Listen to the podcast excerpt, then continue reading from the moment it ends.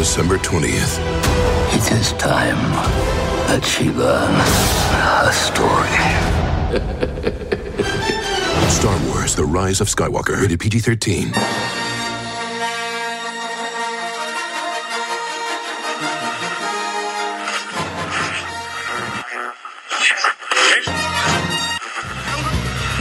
Det här är Rebellradion. Vi pratar allting Star Wars.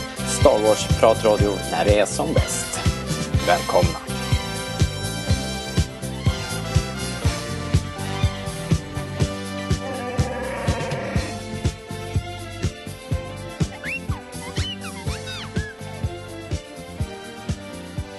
Välkommen till Rebellradion, svensk Star Wars-podcast i samarbete med Star Wars.se. Jag som hälsar nya och gamla lyssnare välkommen heter Robert. Och idag ska vi prata om The Rise of Skywalker såklart. Eh, det blir eh, spoiler-extravaganza idag. Premiär för den här filmen den 18 december. Det var häromdagen när vi, det var igår nu när vi spelar in. Och premiären i USA är i, om de kör midnattsspelningar så är det ju i natt här och eh,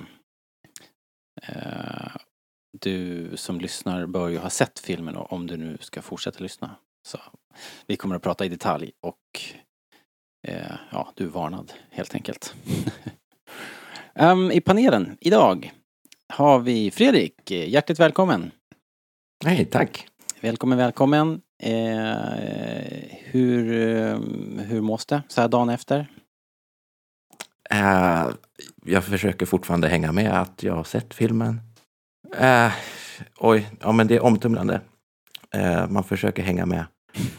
Eh, och få lite ordning på allting också som man har sett. Ja, men vi ska reda ut det här ser du nu här. Eh, Du och jag och Hanna. Välkommen. Hej! Hej! Tack. Länge sen sist, eh, bortsett från Escape Pod, Mhm. som inte var så länge sen kanske. Nej, jag var ju med dig och Linus också och eh, körde Battle of Star Wars där i våras. tror jag. var Just det, just det, när vi Rebellradion. korade bästa filmerna. Ja. Korrekt. Ja, det var senast. Precis. Eh, ja, bra, kul att du är här. Vi har också Daniel, Hej. välkommen! Hej hej, tack tack tack. Eh, ja, är du redo? att snacka lite Rise of Skywalker? Eh, ja, ja, jag får tagga till lite då. Jag sitter här med skumtomtar och ett glas vatten och lagom mys, mysig. Ja. Ja. Men du, hur många gånger har du hunnit se? Du jobbade ju med för den första. Har du hunnit se Yes. två gånger? Tre gånger? Två gånger har jag hunnit se den. På Ja. tisdagen och på Röda mattan-galan med alla kändisar, politiker och alla möjligt folk.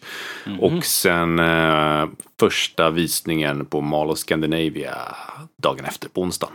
På den riktiga premiären. Just det. Det var där eh, jag var och Fredrik var där, vill jag minnas. Du satt bredvid Mhm. mig.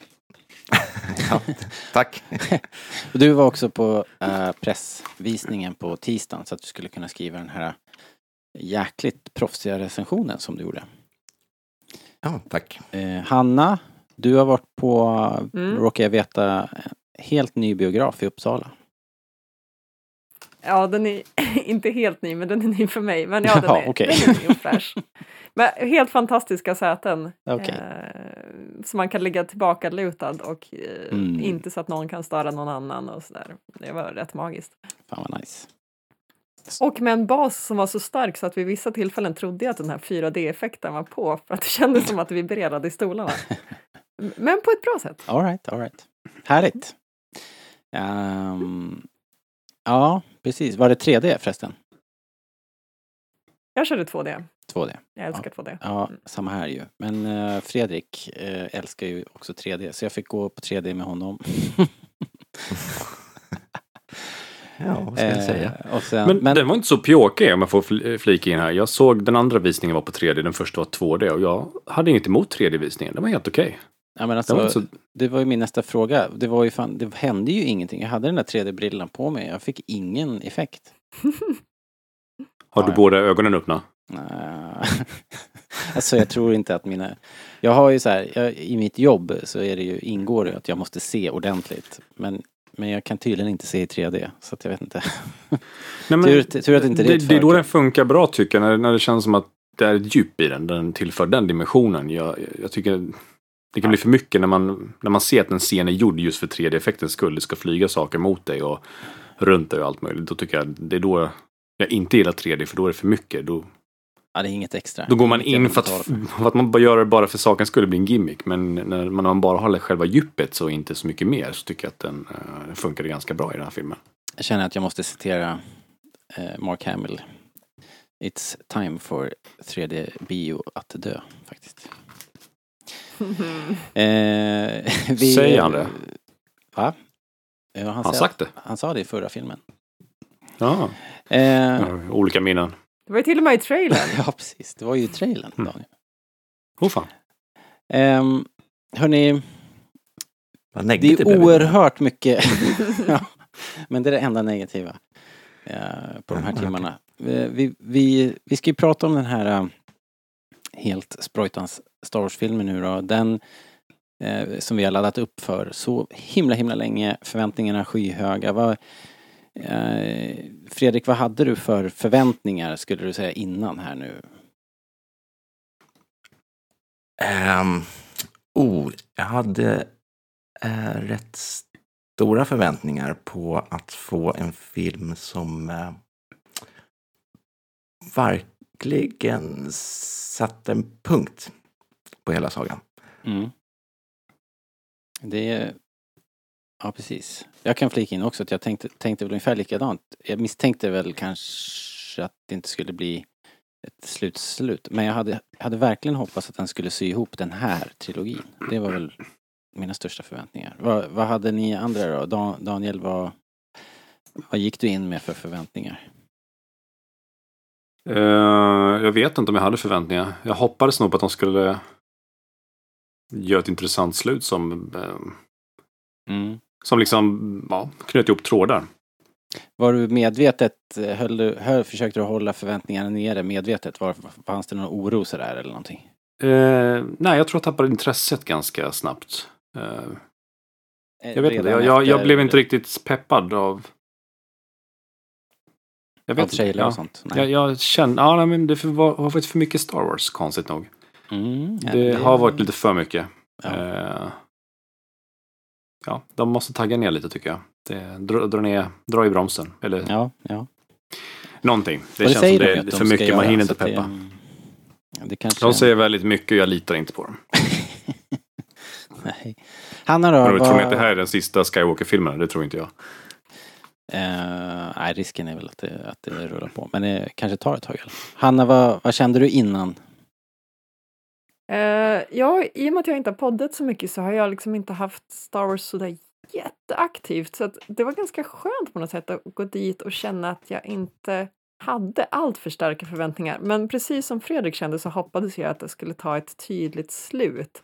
Eh, ibland när man liksom har varit inne i en liksom, trilogi eller en spelserie eller något sånt där så kan det vara väldigt jobbigt när man får reda på att så här, nu är det verkligen slut. Mm. Eh, men samtidigt är det lite skönt för då, då kan man på något sätt gå vidare också. Eh, och eh, det, jag hade kunnat ta ett lite hårdare slutande här känner jag. Ja, ja eh, vi kommer att hoppa kronologiskt här eh, under hela podden så att eh, eh, jag vet inte om vi vill prata om det nu. Vi, kan, vi kanske kan återkomma till slutet vad, vad vi tyckte Ja, om det. absolut. Ja. Ehm, ja, alright. Uh, Okej, det var förväntningarna, men första intrycket då? När, när ni hade sett första visningen och eh, eftertexterna började rulla där, vad, hur kändes det i kroppen då, då liksom? Jag kände att jag var väldigt omtumlad, det kände nog de flesta. Men jag kände också att jag var väldigt glad. Jag tyckte att det var en härlig film. Jag blev liksom entusiastisk av den. Jag tyckte inte att det var någonting jag direkt störde mig på. Jag kan abs- absolut se att det finns vissa brister i den och framförallt kanske folk har tagit upp det efteråt. Men på något sätt så upplevde jag att det var så här, det var en härlig filmupplevelse för mig. Mm. Ehm, Daniel? Var du nöjd när, Eh, när texten Jag var väldigt kluven. Jag var Mm. väldigt, väldigt kluven. Jag visste inte vad jag kände. jag, jag vet att jag kände, nej, samtidigt som jag kände, fy fan vad coolt. Mm. Eh, och jag kan inte beskriva på ett annat sätt än bara att jag, jag var mitt emellan där jag inte visste riktigt vad jag kände. Mm. Okej. Vi, vi Ja, kan gå in på detaljer ju- sen, men det, vi kommer ju gå in liksom, på det, det, det var, precis, precis. ja. Fredrik då, du skrev ju den här recensionen. Du fick ju, du fick ju tyvärr själv då hantera hela det här eh, liksom stormen av, eh, av, den, av känslor efter den här filmen och så försöka gå hem och skriva. Jag vet att det inte var så lätt men, men eh, du gjorde ju det i alla fall. Vad, Det, det var nog något av det svåraste jag gjort att försöka få ord på liksom den här filmen för att det är så mycket som händer. ja, Eh, och jag, jag, ja, precis som Daniel, jag visste nog inte riktigt hur jag kände. Alltså mina känslor spretade åt alla håll. Liksom. Det, ehm, ja, men, men liksom, ja, nu börjar man ju landa lite mer i den. Och, Ja, det är bra att, att ta ett dygn så här och, och, hin, och hinna eh, varva ner lite. Jag var också eld och lågor efter filmen precis. Mycket mer än du tror jag Fredrik. Jag var... ja, du var ju mycket, mycket mer. Jag vågade ju knappt säga. du hade ju inte läst min recension innan. Nej. Eh, för den gick ju upp samtidigt som filmen. Ehm, ehm, ja, så jag satt nog lite Jag måste tyst säga att jag blev lite ställd. När jag kom ur bi- biografen så tänkte jag så här, fan vad ballt. Och så, så öppnade jag våran då eh, lilla interna chattråd där du och Daniel redan börjat skriva eftersom ni redan hade sett filmen. Och så var båda så här ganska negativa. Jag bara, men har, ni, har vi sett samma film? Fattar ni hur tuff den är? Och visst, så här, ja, men som, jag, som jag sa innan, så här, det är klart det finns vissa brister i den, men fan vad härlig den var. Liksom. Det var så jag kände. Jag brukar inte vara så där överentusiastisk, men det var så behagligt att inte vara så överanalytisk, utan liksom bara sitta och uppleva resan. Mm. Men jag Ja, var inte överanalytisk. Jag kände liksom bara, det här var mina enkla yttersta intryck som jag fick och ändå reagerade jag så. Ja, jo, men jag menar att jag själv kan liksom, mina känslor kan taggas ner om jag börjar analysera Mhm. vissa svagheter, men känslomässigt så var det väldigt sprudlande. Men jag förstår att ni kände på andra sätt. För jag, jag tror det här är första gången, vanligtvis när jag går på en ny Star Wars-film så brukar jag ha svårt att fokusera första, eh, första tittningen. Då blir det liksom att jag sitter och överanalyserar, tittar på detaljer och sen liksom missar helheten på något sätt. Och oftast är det andra tittningar som jag kan njuta av den som en film. Men här var det tvärtom. Här kunde jag ändå sitta, sitta tillbaka och bara titta på den och bli underhållen. Mm. Det var ett jäkla tempo. Det var ju full fart verkligen. Det var, det var ju svårt tyckte jag och Alltså jag varit alldeles medryckt och, och, och bara åkte med och tyckte det var en ascool berg och dalbana liksom. Eh, superroligt, massor av känslor och det var skratt och det var gråt och sådär. Men just den här detaljbitarna som du nämner Daniel, själva analysen och själva, jag menar det, är ju, det finns ju mer än ett plot hole här som, som man kan trilla ner i.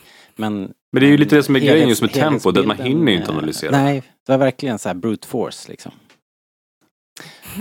Ja men ska Det så. Det är vi... så de ska få oss fans överlyckliga, att vi, bara, vi hinner inte tänka, Nej, vi ska bara precis. vara där med uppspärrade ögon. Ja. ja, lite så kändes det faktiskt. Um, ja men ska vi gå in på lite detaljer då? Vi kan väl börja prata om de två huvudpersonerna. Uh, Ray, uh, Daisy Ridley då, och uh, Kylo Ren, eller Ben, eh, Adam Driver. Um, det var ju en diad pratar man om, två i kraften. Det, hade, det här hade vi ju, mm, jag och säkert flera av er, jag har, jag har inte koll på vad alla har eh, haft för predictions här nu men, men det här var i alla fall någon, någonting vi har pratat om i podden, att de hänger ihop, eh, att de är på något sätt eh, samma sida, eller vad heter det, eh, eh, två, två sidor av samma mynt i kraften på något sätt. Det har de ju ändå lagt upp ganska mycket i, i förra filmen och så, det var inte så konstigt. Och, och här gav de det ett namn, eh, Diad sa de väl. Och eh, de tog det liksom ett steg längre. Det var ju i sig kanske ingen, ingen ny, inga nya kraft-abilities. Vi såg väl ingen nytt. Jo, vänta, det gjorde vi ju. För nu kunde de ju liksom sträcka sig igenom och det började ju med att eh, Kylo Ren ascoolt där på, på, på, på Passana eh, får en sån här kontakt, de, de eh, stirrar på varandra och han liksom kastar sig fram och rycker av henne halsbandet. Det var ju jävligt coolt tyckte jag. Eh, Det är väl lite likt liksom regnet de får, vad är det, det. han får på, i sitt rum när han pratar med henne som står i regnet. Ja. I förra filmen tänkte jag. precis. Så det är precis. samma typ av kraft men det var lite mer konkret och eh, aktivt från deras sida den här gången. Här tar de det hela vägen till full kontakt ju till slut med ljussabelfight liksom. Så eh, drar de ju vapen och, och liksom låser ljussablarna till och med. Ja, det tyckte jag var så himla snyggt. Eller hur? Väldigt coolt. liksom helt otroligt filmat liksom när de växlar mellan de här två Mm. eh, platserna. Helt sömlöst. Ja. Och en rolig reveal där när de slår sönder podiet och Vaders hjälm trillar ut och igenom och kommer ut nere på planeten liksom. Ja, det är häftigt att han inte ser särskilt mycket av var hon är någonstans. Nej, Eh, precis. Förrän precis vid det tillfället. Mm. Väldigt coolt. Men det är väl samma Man sak när hon råkar slå sönder korgen med bären eller vad det är. Ja, Hon ser ju inte den förrän Alltså. den rinner över i hennes värld. Eh, Nej, jättekul. Ehm, ja, men det, det var ju coolt, men det var ju bara att de hade skruvat upp det där två snäpp. Men det var inte nytt. Däremot fick vi ju andra kraftgrejer som var nytt. I alla fall en grej som jag har här på listan och det var ju force healing. Ja, som vi ju eh, väl inte har sett i någon film på det här sättet. Nej, Legends. Mm, Ja, det känns ju inte som något nytt, men, eh, men eh, inte på film, va? nej, Det tror jag inte. Det känns ju, jag, jag tänkte direkt så här äh, rollspels eh, och tv-spels liksom. Forceability, ja. Force ja. abilities, liksom. Nej, men i Legends tror jag de har gjort det innan. I böcker och serier så ja, säkert. Ja, precis. Garanterat. Garanterat. Eh, I The Last Jedi, eller Ryan Johnson, han hänvisar ju till den här, eh, ja, vad ska man säga, inte teleporteringskraften, men det här som Luke gör när han presenterar en dubbelgångare. Just Då det. hänvisar han ju till den här boken som beskriver jedi-förmågor.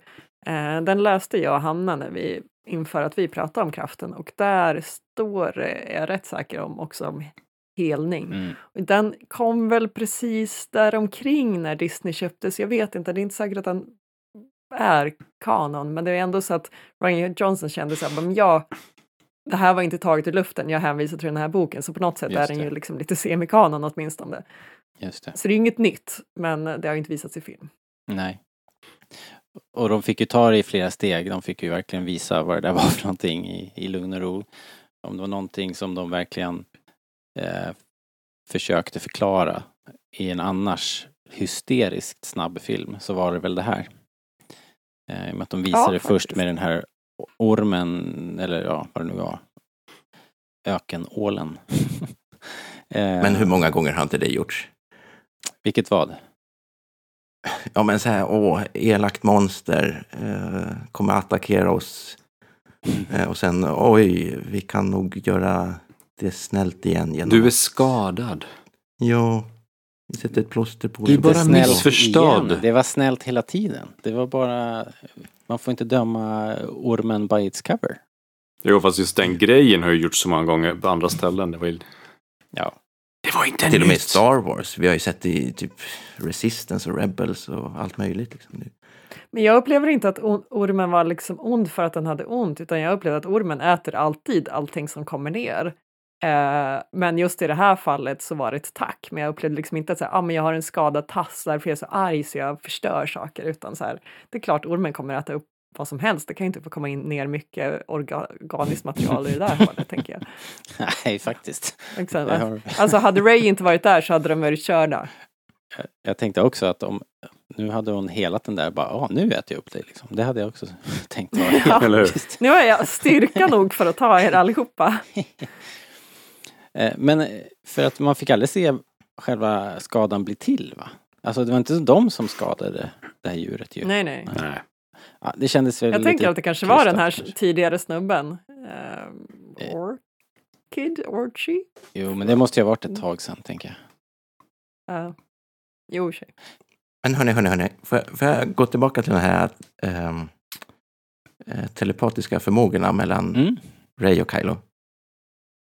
Ehm, för det är någonting som jag funderar på väldigt mycket. Jag vet inte om ni kan svara på det, men i, ehm, i The Last Jedi så säger ju Kylo att, att eh, den förmågan, att Ray inte har den, utan att det skulle döda henne. Mm. Och sen kommer det ju fram att, att det är ju Snoke Det är som på något Snoke som har sätt- gjort det, ja. Ja, och nu vet vi att Palpatine typ var Snoke. Mm. Eh, så är det liksom, Har han hjälpt till där? ja, Jag tänker att Ray har blivit mycket, mycket starkare sen, mellan Last Jedi och det här och att det kan förklara en del. Men jag gillar tanken på att det är Palpatine som styr och ställer även nu. Det, det haltar ju lite grann kanske. Ehm, Men det, är, det blir ju så, jag känner att det är så mycket här i den här filmen som, som eh, bara är en throwaway line eller något, någonting som svischar förbi och sen ska man försöka förstå vad det där är och hur det fungerar liksom. Hur de har tänkt när de har gjort det här och det, det blir väldigt svårt att eh, pussla ihop det så att jag vet inte eh, allt, de kommer ju säkert kunna förklara allt det här på något eh, sätt hur allting fungerar och hur det hänger ihop. Men det känns lite svajigt liksom om, om det är Palpatine som kopplar ihop dem. Eh, då känns ju steget till att han ska veta var de är hela tiden. Det känns ju också som kan, kan, hur kan han koppla ihop dem och inte veta var de är liksom? Förstår vad jag menar? Det är för de letar, efter, de letar efter? Ray. Men, eh, ja, nej, jag vet inte. Jo, men han kanske vill att hon ska hitta honom innan uh, Kylo Mm. gör det, till exempel. Jag vet inte. Det är, Ja. Jag känner att Palpatine har många idéer och eh, det är inte alltid så lätt att hänga med på exakt vad hans huvudidé och plan är. Nej, och inte heller om det är en del av den ursprungliga planen eller om han bara hela tiden flyttar eh, målet och, och eh, anpassar planen liksom, känner jag också. Men det känner jag samtidigt hänger ihop ganska väl med hur eller prequel-trilogin beskrivs att det är lite tvetydigt hur mycket han är där och petar och hur mycket han Mm. liksom ad hoccar genom vägen och bara är anpassningsbar. Ja, Eh, det är så jag gillar att tänka på honom i och för sig. Men eh, jag, jag är inget fan av det där eh, att han har micromanagat hela storyn och vet allt liksom. Att allt, precis allting går i lås. Det känns, känns inte lika roligt tycker jag. Men, men det förklaras ju aldrig Jag, jag föreställer mig Palpatines plan liksom som, som, som att han kan tänka sig många scenarios. Alltså, han kan tänka sig att Kyla och Ray försöker döda varandra för att då den som är sen kommer tillbaka vinnande blir den starkaste personen och därmed bäst att föra över sin essens till, Mm. eller vad det nu är han har. Så det kan jag liksom te, se som den ena grejen och det andra kan jag tänka är just att så här, om det inte går och de inte dödar varandra, ja då kommer de teama upp med varandra och försöka döda honom, alltså kommer de komma tillsammans med den här eh, duokraften och då kan han sno den. Så att liksom han har en plan som har massa backup-scenarios. Men det var det också. Det kändes inte som att han hade riktigt hundra koll på att de hade den här äh, diad-kopplingen. Eller? Jo men det tror jag. Alltså jag menar, den kände väl Snoke till också? Ja, Alltså, Jag upplevde det lite som att det kom som en överraskning ja. i slutet Jag tyck- för Palpatine. jag tyckte att, också det, ja, när han-. När, han, när de var Okej. framför honom där, då Precis. liksom trillade polletten ner. Men det verkar också Och då- lite osannolikt. Exakt, och då beslöt han sig för att ta deras livskraft. Mm, just det. Som någon sorts eh, omvänd force healing så kunde han stjäla livskraft liksom. Lite Darth Nihilus. Okej. Ja, jag har ju noll koll på de där. Eh, EU. Google it. Jag fan, han, han suger väl ut... eh, mä- mästare va? Jag var inne där och snokade. va? Innan vi går vidare och pratar mer om Palpatine kanske vi bara kan avhandla lite vad ni tyckte om eh, Ben då så småningom och eh, Rays relation till varandra. Det blev ju liksom ett riktigt, det blev ju någon sorts eh, känslomässig koppling och ja, någon sorts kärlek till slut. Men det blev också ett Romeo och Julia slut liksom. Eh, vilket jag, jag gillade som fasen. Men vad, vad tänkte ni när det, när, precis på slutet där när, när eh, ja, han, han väljer då att eh, återuppliva Ray, liksom betala tillbaks tjänsten i princip och eh, med sina sista krafter då rädda Ray. Och sen Eh, så hinner de precis, Jo, jo, jo. så hinner de precis bara se varann, få den där pussen och sen så är han slut. liksom. Jag som hoppas det inte skulle bli Jag någon har Raylo. jättesvårt för kyssen. Ja. Nej. Jag har jättesvårt för kyssen, men jag älskar allting annat med Kylo och Ray. Jag tycker att de har... eh, Det är liksom... Det är själen i den här filmen. Jag tycker den är otroligt viktig för Last Jedi också. Eh, jag hade klar, jag, för mig känns det som att de kan älska varandra utan att det behöver vara det fysiska som på något sätt blir lite övertydligt i det hela. Men jag, tycker, jag tyckte det var fantastiskt att Ray dog. Jag började storgråta då. Mm. Jag tyckte det var ännu vackrare att Ben offrade sig liksom, och att de inte fick vara tillsammans och aldrig få vara den här diaden liksom, i verkligheten på något sätt. Eh, däremot kanske jag trodde att det här var lite överspelat efter Last Jedi för det kändes som att Kylo och Ray hade kommit så långt ifrån varandra så att jag var lite förvånad att de kom tillbaka men samtidigt tidigare. Ja. Jag, jag tyckte resan var bra. Även med att de, de gled ifrån varandra. Att, de liksom, att hon stängde ju dörren så här supertydligt i slutet på Ja. Last Jedi. Men, men jag tycker ändå att hela den här filmen Ja, den gjorde jobbet liksom och sen när, när eh, ja, jag var oerhört eh, rörd på slutet och, och eh, grät nog i en halvtimme, sista halvtimmen på filmen. Det var oerhört känslosamt. Eh, och jag tyckte Vad faktiskt skönt att det inte bara var eh, jag. nej, nej jag, jag tror jag hörde snyftningar i salongen. Kanske var Fredrik, jag vet inte. Men, men, Det kanske det var. men jag tyckte det var riktigt bra. Och det var, det var skönt att de verkligen löste alla knutar för att jag ville inte att Kylo skulle bli riktigt förlåten för det här fadersmordet. Jag hade svårt att se det på något sätt. Men det här kan jag väl säga, skriva under på och tycka okej då, liksom. Han har betalat. Men så kände jag precis jag Ja. med.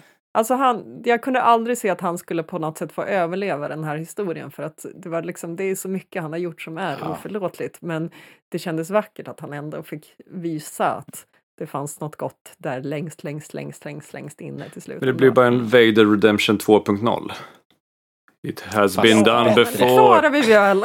Låt honom, Vi låt honom leva i ångest istället för att se hela sitt liv tycker jag. Vad, vad får vi nu? Nu ja, men det visar är vi ju Vader pre, post prequels liksom. Han fick leva i ångest i 20 år och sen så fick han ha något fint i slutet. Den här gången fick det vara lite kortare och lite... Men nu finns det inga Skywalkers kvar. kvar. Då vann ju Palpatine. Eh, Så jag förstår inte The Rise of Skywalker eftersom liksom den sista Skywalkern tekniskt sett dog. Och den enda överlevande var ju en Palpatine. Så, ah. Jo, men hon valde, hon, men hon valde ju precis, hon valde sitt eget öde liksom. Vilket Jo, coolt. fast att välja ett efternamn liksom. Ja. Jag, Hon jag, är jag, the om, legacy av Leia. om jag går runt och kallar mig för Bernadotte så betyder det inte att jag blir kung över Sverige helt plötsligt. Nej men hon är ju liksom en force-dotter av två Skywalkers. Vad sa du? Hon har ju blivit upptränad av två Skywalkers. Mm. Så att liksom allting som har med hennes kraft att göra är ju kopplat till Luke och. Leia. Still. Jag kan ju flika in här. Skywalker. Lin- Jag gick med Linnea, min, ja, hela familjen gick på, på kvällen sen och Linnea är ju är helt eh, grön. Hon har ju precis nu satt sig in i Star Wars och så här. Men hon är verkligen eh, vaken och ställer frågor och så här. Och eh, efter att vi hade sett det där då så, så tyckte hon att, eh, att Ray hade dissat hennes biologiska föräldrar lite grann. Genom att ta Skywalker-namnet. Ja, hon har rätt. Eh, och det är ju en poäng. Jag började svaja lite där och jag tänkte, tänkte ja men hon kände aldrig dem riktigt liksom. Eh, och, Jo, men jag, jag upplevde att hon älskade sina föräldrar men de, hon fick ju inget efternamn efter dem. Liksom. Nej, precis. Jo, Palpatine. Ha- Har ni sett filmen? Eh, ja, eh, Den här filmen vi diskuterar, där har ni sett den? ja, ja, vi har sett den. Men det, det är väldigt mycket tolkningar man kan göra här, helt klart. Vad heter det? Vi har, eh, tiden rullar på. Ska vi prata lite Palpatine då? Lite mer bara om hans plan och eh, the long game. Eh, han har ju suttit i det här templet då tydligen i en jäkla massa år. Det var någon som hade räknat ut att han var drygt 110 år va? när det här hände, 113 år eller någonting. Eh, jag vet inte hur det stämmer, jag har inte räknat själv. Men han var ju väldigt gammal och sliten. Han hade ju tydligen klonat kroppar då. Eh, en av dem i alla fall vet vi var Snoke, tydligen. Fattar ni? Jag, jag tänker att Snoke var... Att det var Palpatine. Alltså, eller? Alltså att, att kroppen var bara en, en, en, en vad heter det? En, ett kärl, en eh, avatar. Eller? Du menar att det var han som styrde Snoke? Ja, jag vet inte hur jag ska förstå det här annars riktigt. Jag tycker allting var väldigt, väldigt oklart. Ja, jo, det, det kan ju vara på något annat sätt naturligtvis. Men hur, hur Jag tycker hur det känns väldigt mycket som att de inte haft en riktig idé liksom, utan de bara ah, säger så att ah, Palpatine är tillbaka och han styrde allting och så. Men det är ju, ja, tänker inte så mycket på det är ju det. filmens svaghet att man liksom börjar filmen och inom loppet av tio minuter så är det så här. Allting som du har varit med om förut som ni har sett innan, det var jag. Nu börjar vi nästa historia. ja, Och det var, det var liksom ingenting som avhandlades. Vad, vad, vad var Snokes poäng? Något mer om Snoke? Det var bara... Det var jag som var Snoke och så visade vi en burk med tre Snokes i. Eh, ja men sen var det så, De sen har, var det över. varit så här, de har ju varit så här skifte hela tiden med Snoke. Snoke är Snoke, Snoke är ingen, bla bla bla. Och han ser ju ut som ett misslyckat Ja, men- eh, försök liksom. Det, fast det kändes ju som att han inte ville, som Abrams inte liksom ville veta av sjuan och åttan längre. Det var, han ville göra en helt ny film som inte ens har någonting med de här andra filmerna att göra. Det var verkligen, ja ja, det här ni ville veta, så här var det. Toodaloo, nu är Palpatine tillbaka en helt ny historia, skit i det gamla. Och det, det är Men stora Robert, jag är svagheten. lite inne på din... eh, Jag är lite inne på din grej. Alltså, jag, jag, ja, förklaringen mm, kanske lite svajig, men jag håller med om att Snoke kändes inte som att han var...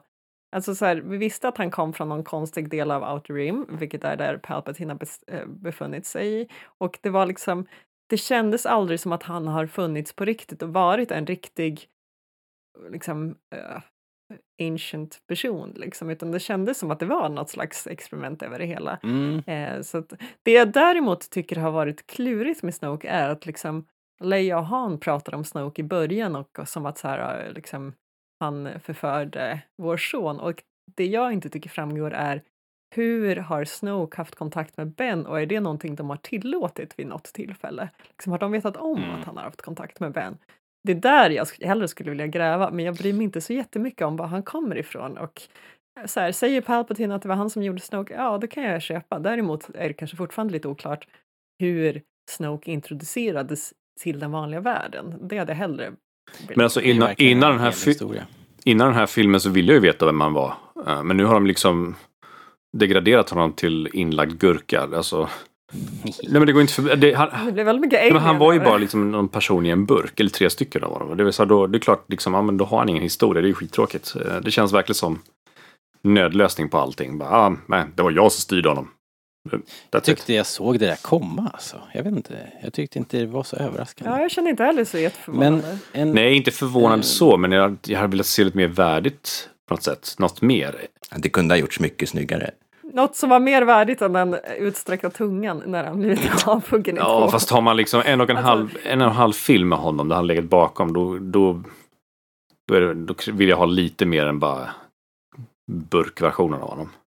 de hade kunnat kosta på sig kanske några meningar exposition där. Det hade Ja. inte skadat. Det hade inte behövt vara Eh, mycket. En annan grej som, som inte överhuvudtaget förklarades utan som verkligen bara blixtrade förbi när vi fick reda då till slut då att, att Ray var en Palpatine. Det var att eh, eh, Palps Palle, han har ju fixat en son vid något tillfälle. För att eh, Ray ska ju då vara eh, barnbarnet. Eh, det här gick så jäkla fort i filmen så jag hade inte klart för mig när jag kom ut vad, vad som hade hänt där, vem som var vad och vem var släkt med vem egentligen och hur såg släktträdet ut. Ehm, det här är ju också någonting som, som de bara levererar och uh, tänker att vi ska köpa. På rak arm. Um, alltså det, det Jag håller med om att det var lite tveksamt kanske. man kan säga. Min, min bild av det hela, liksom, i och med att vi nu får reda på att han har liksom labbat ganska mycket, eh, så tänker jag att det här är ju inte en son han har fått eh, på det klassiska viset.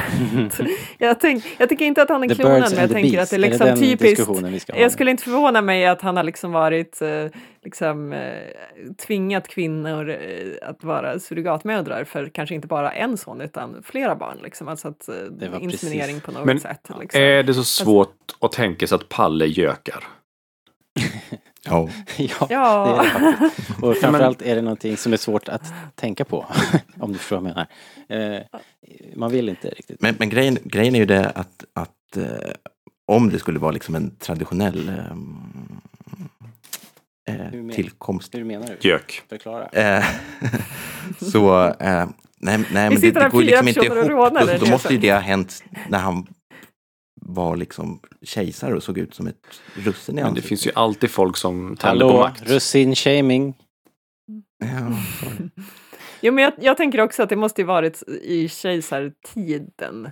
Om det, in, alltså om det har varit mer naturligt. Men däremot kan jag liksom mera föreställa mig att han blev kejsare och bara kunde bestämma hur han ville fortplanta sig på precis det sättet han ville. Liksom. Och att då tvinga på sig tvinga på eh, kvinnor att liksom föda hans avkommor. Det känns eh, mycket mer så här, in character i mitt huvud. Känns helt i linje. Och det var dit jag for också. Jag tänkte att antingen något sånt eller så är det här labbet som han ju uppenbarligen har lagt ner mycket, mycket tid och resurser på.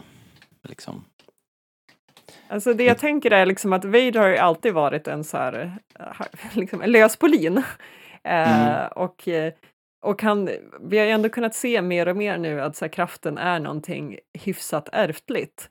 Eh, så att det skulle liksom inte förvåna mig om han har skapat lite avkommor bara för att se vilka av dem som är kraftkänsliga och vad han kan utnyttja. Mm. Men då blir ju hans son som, som förkastade sitt arv och stack iväg, skaffade sig en familj och gömde sin dotter. blir ju oerhört intressant, måste jag säga. Ja, Den boken vill man ju läsa. Jag tycker det hade funkat jag tycker det hade funkat bättre om de bara hade dragit det här uh, midichlorian-kortet igen. Liksom. wow, det hade varit djärvt. Men det här, är inte det här roligare ändå? Rent spekulat, spekulationsmässigt. Ah, Jag vet inte, alltså jag tycker, jag tycker att det beslut, besudlar Ray lite också känner jag. Jag känner så här, åh, är hon från den linjen? Liksom? Det, Mm. Jag skulle mycket hellre se att hon var liksom skapad av kraften eller någonting sånt.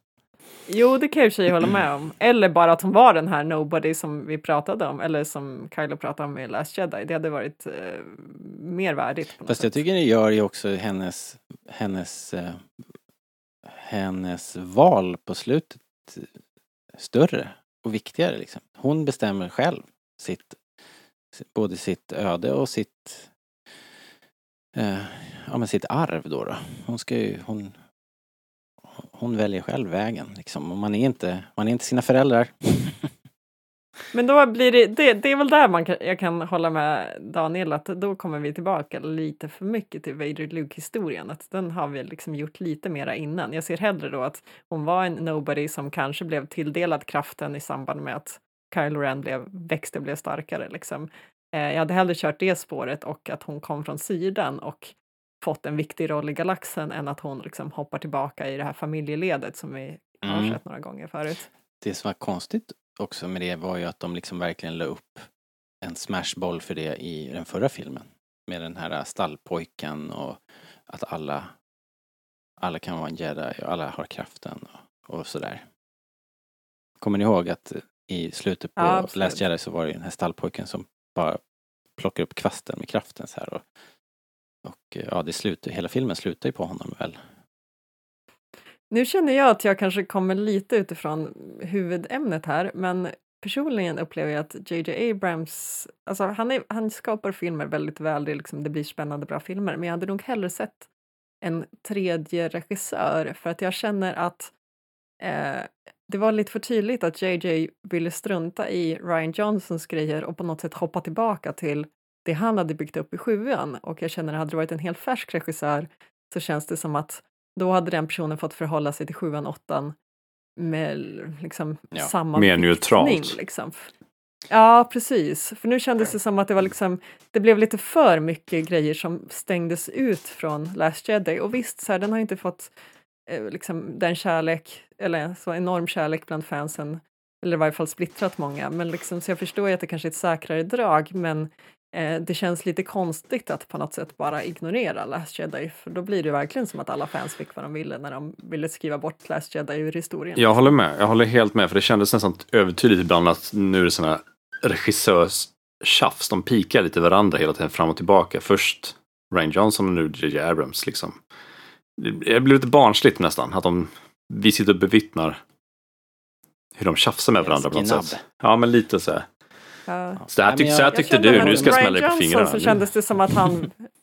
Ja, okej. Eh, För Ryan Johnson kändes det som att så här, han valde att gå sin egen väg men jag kände inte att det kanske nödvändigtvis var för att han ville liksom vara jobbig mot JJ utan bara så här, men här, nu ser jag att den här är på väg åt det här hållet.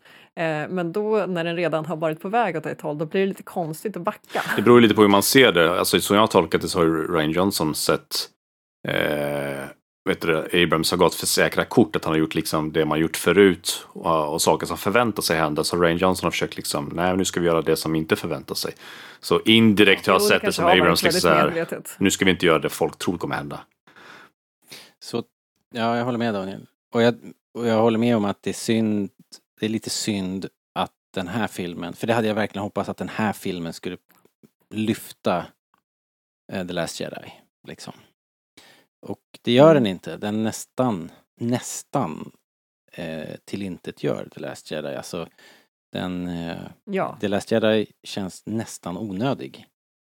Eh, i, I många, på många sätt. Jag, jag har även svårt att se, eh, men jag kanske är ensam om det. Jag, jag ser nästan inte den här filmen som en fortsättning ens på The Force Awakens. Du är inte ensam om det. Det var, det var nästa grej jag skulle ta upp också. Det här känns som avslutningen på en trilogi som jag fortfarande inte har sett de första två filmerna på. Det, Okej. det känns som en helt fristående film och mycket just på grund av det här första tio minuterna. Nu ska vi avhandla allt som har hänt. Jag låg bakom där. Strunt i allt som har hänt. Nu är min nya story här. Nu är jag palpat in här. Det liksom hör inte ihop med någonting. För han kan säga hur mycket som helst att han har legat bakom det i nyaste filmen. Men det finns inget sätt för mig att komma tillbaka till 7 och 8 och se så planteringar där jag känner så här, ah vad smart, ja det är klart Pal- Palpatine gjorde det här och det här. Utan det känns ju som världens största efterkonstruktion.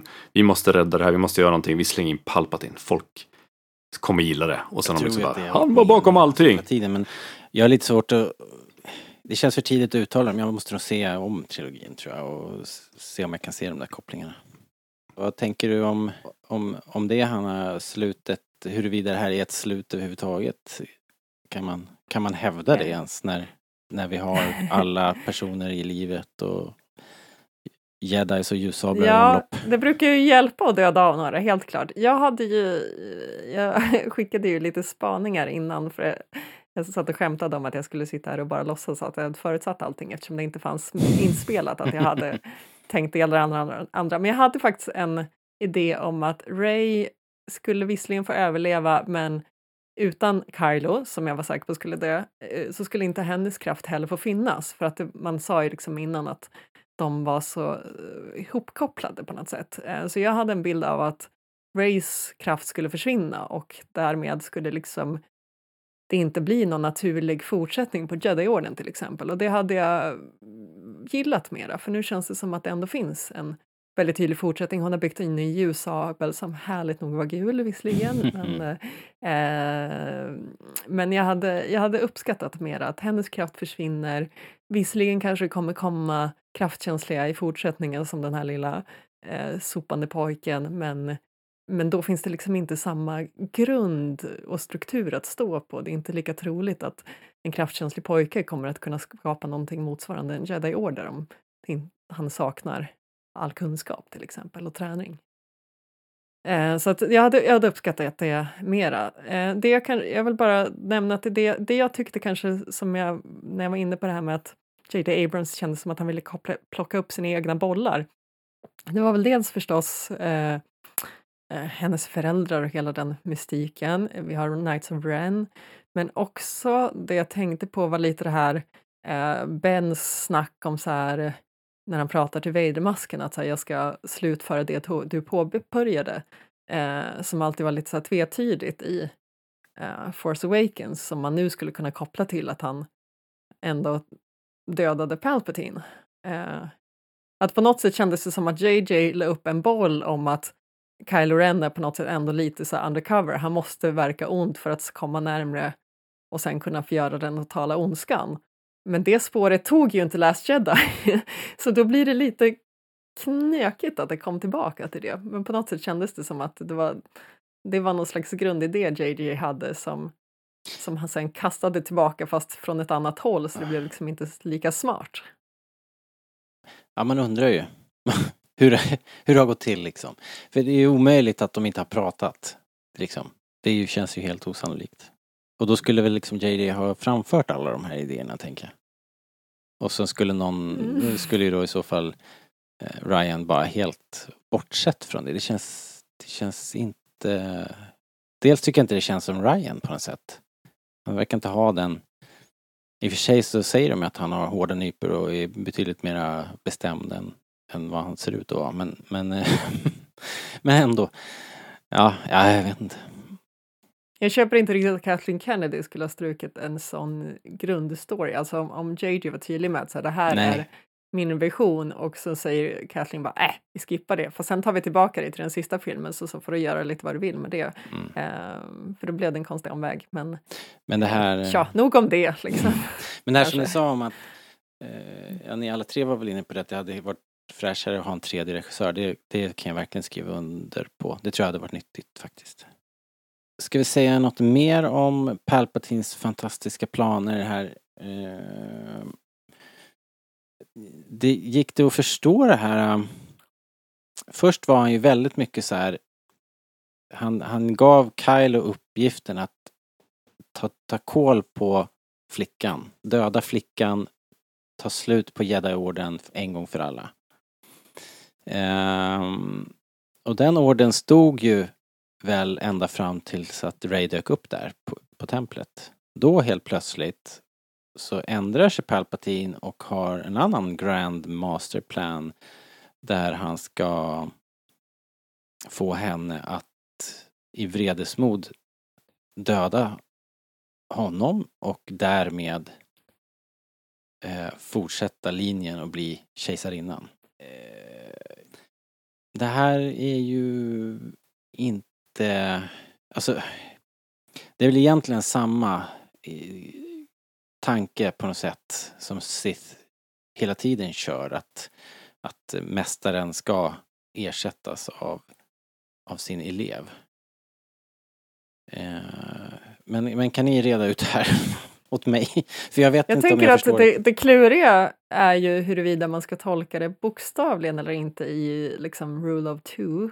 Eh, men för att på något sätt tidigare har det bara varit så här, ja men när en Sith blir starkare då är han redo att döda sin mästare och därmed blir, blir Siths alltid starkare och starkare och det kan jag på något sätt köpa egentligen men jag tyckte att tanken på att om de dödar personer i ved- vredesmod, vilket de alltid gör, att det på något sätt kan vara ett sätt att rent konkret ta någon annans kraft Okej. gillar jag mera för att jag tycker att det motiverar Rule of Two mycket, mycket mera och förklarar bättre hur två Siths och bara två Siths har kunnat klara sig så länge. Det är liksom inte rent eh, så här evolutionärt att den starkaste vinner utan det är de facto så att när man tar man tar, De en, man ackumulerar tar en kraften, andras liksom. kraftpoäng.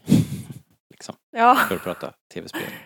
men jag vet inte om det var det det verkligen var, att de, det var det de verkligen sa i filmen, men det var så jag tolkade det då. Men jag känner att jag kan ha missuppfattat hela den historien. Fredrik, vad, hur tolkar du det här?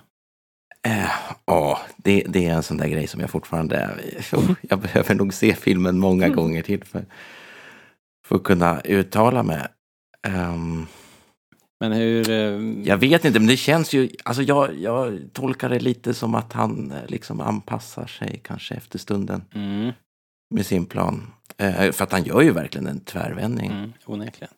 Eh, och sen är det inte... Eh, minns jag fel? Eller han vill att Ray ska ta tronen Mm. Så att han själv lever vidare i henne då, eller? Ja. Är det så han Ja. tänker? Ja, det låter ju väldigt osjälviskt när han säger det, vilket får en direkt att bli lite tveksam på om det, om det liksom är sanningen. För det, det verkar inte, det känns inte som honom riktigt. Men Daniel, du är ju en Sith eh, Åh, nej, men tackar. kille. är det här, går det att förstå det här upplägget att han, det här med, fu- funkar det så som Hanna tror att när man, när, när ens Sith dödar sin mästare så, så tar han över den kraften, samlas liksom allting i den Du senaste tänker Hi- Highlander-principen. Man suger åt sig kraften när man dödar någon annan. Eh, nej, jag tolkar, som Ja, jag har fattat precis. eh, Rule of Two, så handlar det om att, eh, att man försöker koncentrera på att liksom få SIF-linjen starkare eftersom det var så mycket backstab förut. När det var så många, alla vill åt kraften. Så man fokuserar på att två åt gången och att den som var mästare lärde upp apprenticen tills den blev bra nog att döda sin mästare. Om apprenticen inte kunde döda mästaren så hittade de ju en ny apprentice. Tills, tills att den, det fanns en apprentice Yes. som var bra tränad nog, så kraftfull och liksom hade fått den kunskapen att de kunde döda sin mästare och ta en ny apprentice. Och hela tiden så blev det en steg, stege uppåt eh, Mm. på det sättet. Just det. Men det här är ju något annat, de facto. Han pratar ju här om att det ska liksom gå igenom och han ska leva vidare genom henne Men det- och hon ska ta Det är det jag är lite och- tveksam till, så här, liksom, om de har förklarat det dåligt eller att de missade chansen att förklara. För jag tänker att det här är ju, har ju någonting med Darth Plagueis lära att göra.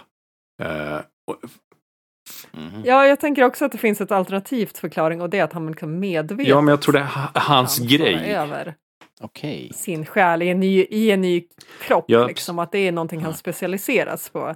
Men jag, jag gillar den andra Du gillar principen fel. men jag tror att det Det så vara. det egentligen ska, ska vara.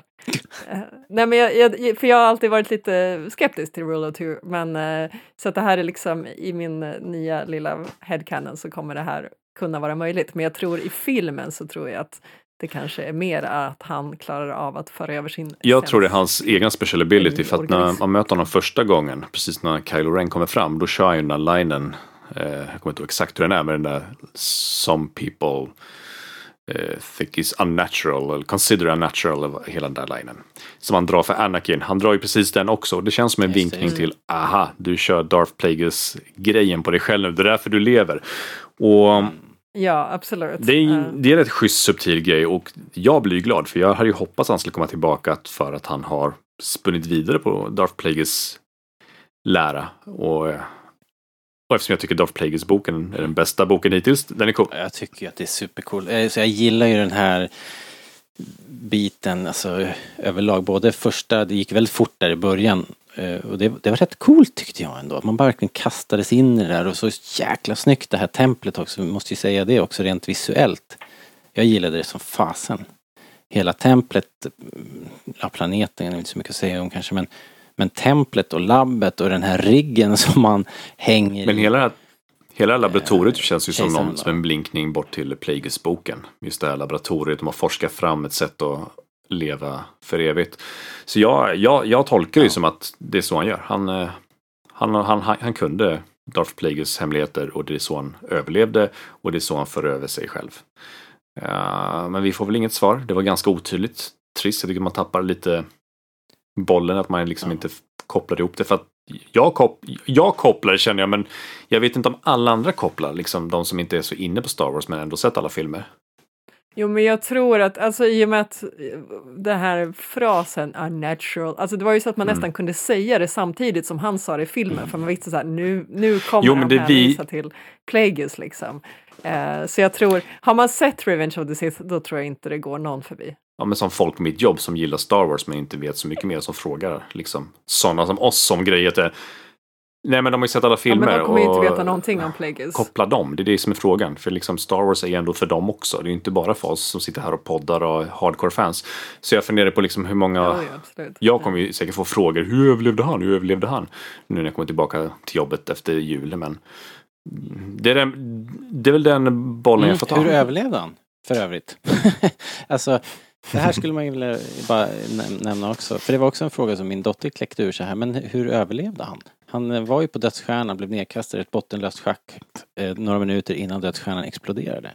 Hur Men han? Luke hoppar ju typ ner i ett bottenlöst hål i, i Empire och Mm. klarar sig fint. Så att jag känner att mm, Det finns, det finns en liten lucka. Han glider ut och blir upplockad Ja, ja, men. Fair enough, fair enough. Ja, fast, det, fast det där tycker jag är ett problem. Ja. Jag, jag, jag, jag tycker att det där blir ett problem. Liksom för, det blir ju någon slags explosion efter att han dör i Episod 6. Mm. Eh, och det blir ju typ samma sak i den här filmen också. Hur ska vi någonsin veta om det här liksom var... Men här blev han ju super liksom, han skalad som en apelsin. Han, all, alla hudlager och allting försvann ju bara på honom. Så att, här var ju mer definitivt och visuellt tycker jag. Men han kan ju uppenbarligen byta, föra över sig. Jo, fast om du krossar syltburken så har du sylten över hela marken. Ja, i och för sig, ja. Ah, jag, tror, jag tror inte vi ska vara säkra på att han inte kommer tillbaks. Men Nej, å nej, andra sidan så har han inte, det här labbet finns inte kvar heller nu och liksom Han kanske hade det, allt det här redan då, på den tiden, på, på OT-tiden. Att falla tillbaks Men på. om, eh, Daniel, det du sa om det här med förklaringar och sånt där. Alltså, jag insåg att jag jämför den här filmen ganska mycket med Avengers. Eh, Mm. Alltså att den har exakt samma ultrahöga tempo och jag gillar absolut inte Avengers för, det, för jag tycker att det liksom, man hinner inte få något djup i någon karaktär och ingenting. Alla eller de, vilken Lex- särskild Avenger? Alltså jag har sett, jag vet inte, de första, jag såg de Mm. första två, tre någonting sånt där och jag tröttnade. Eh, jag var inte intresserad av någonting och jag har ändå sett ganska mycket spin-off-filmer men jag tyckte liksom att det blev platt. Eh, och jag känner att Eh, det som gör att jag inte upplever den här filmen som särskilt platt är för att jag är så investerad i allt runt omkring. Men skulle jag inte vara det så tror jag att jag skulle få samma typ av känslor som jag får med Avengers. Att jag, liksom, jag bryr mig inte så mycket, jag känner att jag hinner aldrig få någon förklaring till någonting, det går bara ultrafort och det blir ointressant. Så att jag kan tänka mig att är man inte ett väldigt entusiastiskt fan så kanske den här filmen faller lite plattare än vad det gör för mig. Att på, egentligen borde jag tycka sämre om, om den än vad jag gör, men eftersom jag till exempel är insatt i Plagueis, då behöver jag inte mer än unnatural för att det ska räcka. Eh, men för en vanlig biotittare så kanske det blir lite fånigt. Eller lite för eh, ja, märkligt bara allting. Ja, eh, det där är ju... Precis, jag tror, jag tror också det där att vi fyller i så mycket bara farten. Men om det är bra eller dåligt, det vet jag inte om jag kan svara på. För att vi, vi skjuter ju också, vi, vi petar ju hål i den här historien så lätt också. Så jag vet inte om det är bra eller dåligt. Men hörni, ska vi, ska vi lämna Palpatine? Eh, Eller något som Ja. ni känner att ni har osagt just eh, kring det här med, med deras möte där och, och, och Sith-templet och så? Nej, jag tycker att Palpatine var det bästa med hela nya filmen. Ska jag. Eh, Det var i alla fall eh, superbra, jag håller med. Jag tycker det var ascoolt att få komma dit och se allt det där. Men jag håller med om att, att, att Palpatine var fantastisk. Alltså han har ju aldrig varit så otäck som i den här filmen. Nej, det var ganska läskigt för, eh, för en tioåring kan jag säga. Ehm, Och du skrev ju det också, du var ju väldigt eh, klarsynt där Fredrik, måste jag säga i din recension att det var man ska nog tänka sig för en gång innan man tar med eh, barnen för att eh, man måste ju känna sitt barn liksom. Men det är ju ganska mörkt och suggestivt och han ser ju läskig ut och sådär. Ja, min dotter är ju sur för att hon inte fick gå med på bion. Jag sa, jag lovar att när vi köper filmen, eller vi köper filmen så fort den kommer ut, då ska vi titta tillsammans. Och så såg jag Palpatine på bio och det första jag tänkte var, hur fan ska jag kunna visa det här för henne? Ja, för Den här filmen ganska- är bara tre och en halv minut lång nämligen. Ja, just det. Får du berätta för henne. Precis. Du får göra en edit. bara allting med C3PO, inte så mycket mer. Men eh, på tal om Palpatine, en till sak som man kom på som jag störde på, det var att liksom gi- likgiltigheten att folk liksom inte reagerade med på att han var tillbaka. Det var så... Eh, Palpatine, är, Palpatine är tillbaka. Va? Är han inte död? Hur överlevde han? Och så kommer någon in och säger ah, du vet, siffror, lite magi, klonfabriker. Ah, okej, det är okej, då fattar vi. Och så var det men mer. alltså Men de- jävla bråttom i alla filmer. Ja, de har ju bråttom. inte. Men, men det var, de tog ändå fram det, de lyfte det. Ska, ska vi verkligen tro på det här? Är det sant? Och sådär. De, de fick ju med det i alla fall.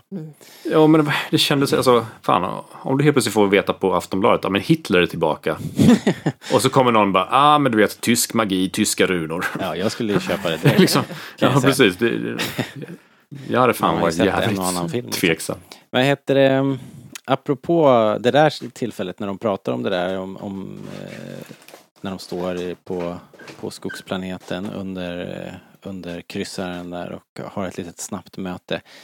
Eh, Leia och Carrie Fisher var ju en stor eh, snackis innan eftersom hon, eh, ja det, det var ju klart sedan länge att hon skulle vara med i den här filmen. Men hon dog ju långt innan så att det var ju, det var alltid en, en eh, ja, en, en stor fundering hur de ska, skulle få det här att funka. Och de måste ju onekligen ha, ha kört, spelat in ganska mycket med henne för att det här vart ju ändå ganska bra. Även om jag upplevde att alla scener runt henne kändes ganska lösryckta och eh, krävde ju ändå ganska mycket heavy lifting av de som var bredvid eh, Leia. Men, men trots allt liksom. Det vart väl ganska bra va? Eller vad, vad tycker ni liksom? Fredrik, vad, vad skrev du i din recension?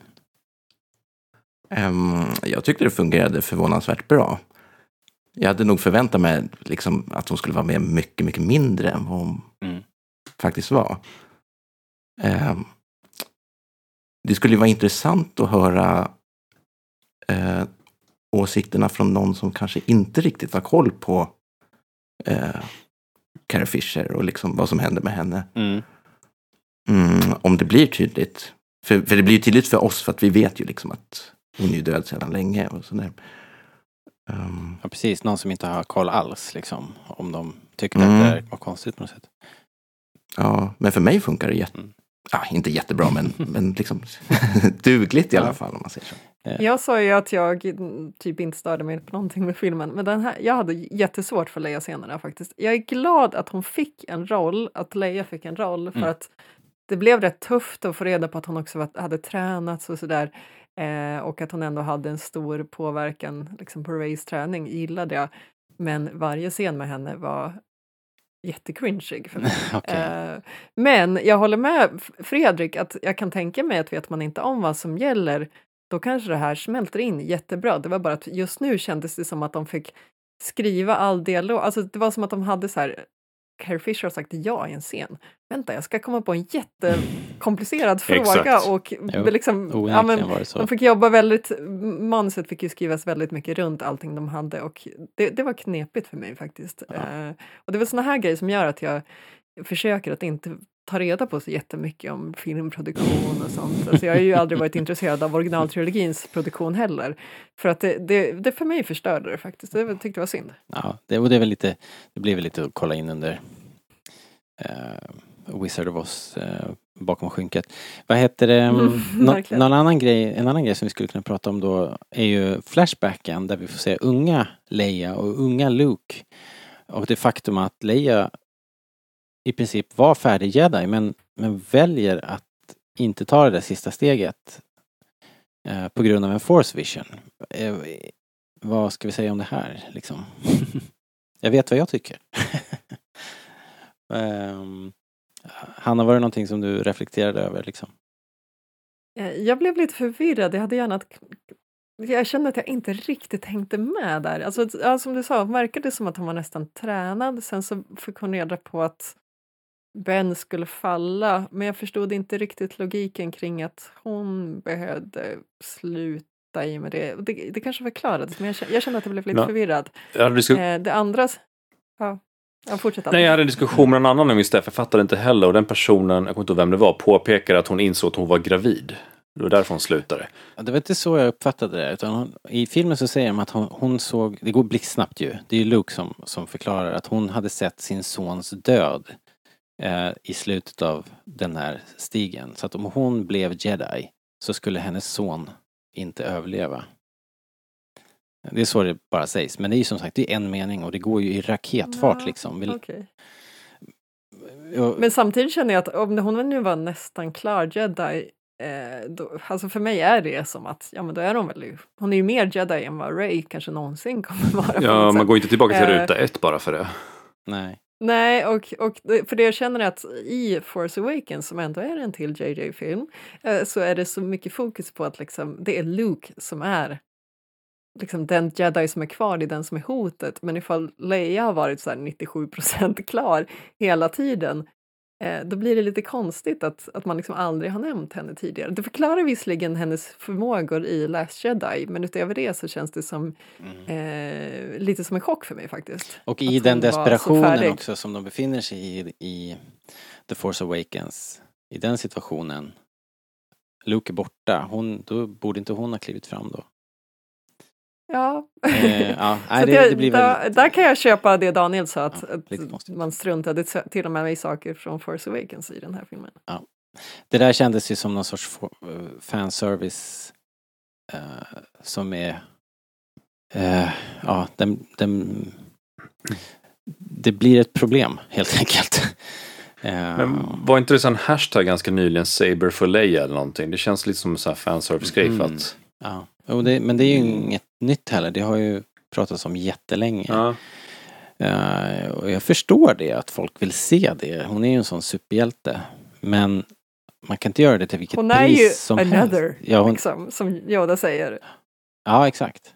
Precis. Så det är exakt, exakt. I med den throwaway-linen från Yoda och att det är Leia som är den andra och så har vi ju på något sätt alltid, det är också en sån här, så här kollektivt fanmedvetande. Vi vet ju att hon, hon har ju fått den här utbildningen liksom. Men det har aldrig visats, den har aldrig riktigt varit filmkanon förrän nu. Eh, det är coolt liksom, men det rimmar inte riktigt. Ja, ja. Eh, det var eh, snyggt gjort i alla fall. Det var en snygg flashback rent om man nu bara skulle se till vad, vi, vad som var på bild, bilderna liksom. Jag tror att jag, man kanske kommer få se den här nya trilogin lite som tre separata filmer som är väldigt mysiga i sig själva nu för oss som gillar Last Jedi. Eh, men man kanske inte behöver se dem tillsammans på samma sätt. Liksom. Alltså jag, jag känner att det är tre filmer med ganska olika karaktär och att det, det kanske får vara så men jag ska inte klumpa ihop dem för mycket. ja, vet sjutton. Eh, eller så är vi för nära. Vi kanske, vi får ge det lite tid. Eh, eh, det brukar vara så att jag eh, eh, de, de här li, lite vassa kanterna slipas av efter, efter ett tag och så, och så Ja, flyter det lite det. bättre. Liksom. Ja, vi får väl se hur det utvecklar sig. Ska vi gå vidare eller? Vi har, vi har ju rätt många andra karaktärer och ganska mycket händelser också och, och snacka om. Ska vi prata lite om de andra i det gamla gardet? För vi får ju faktiskt en rätt eh, ja, full uppställning här. Vi får ju vi får både Lando och vi får Luke och vi får en liten scen med Han Solo.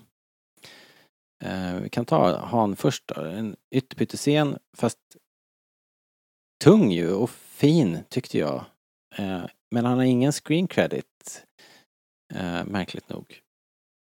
En drömsekvens då med, med Ben.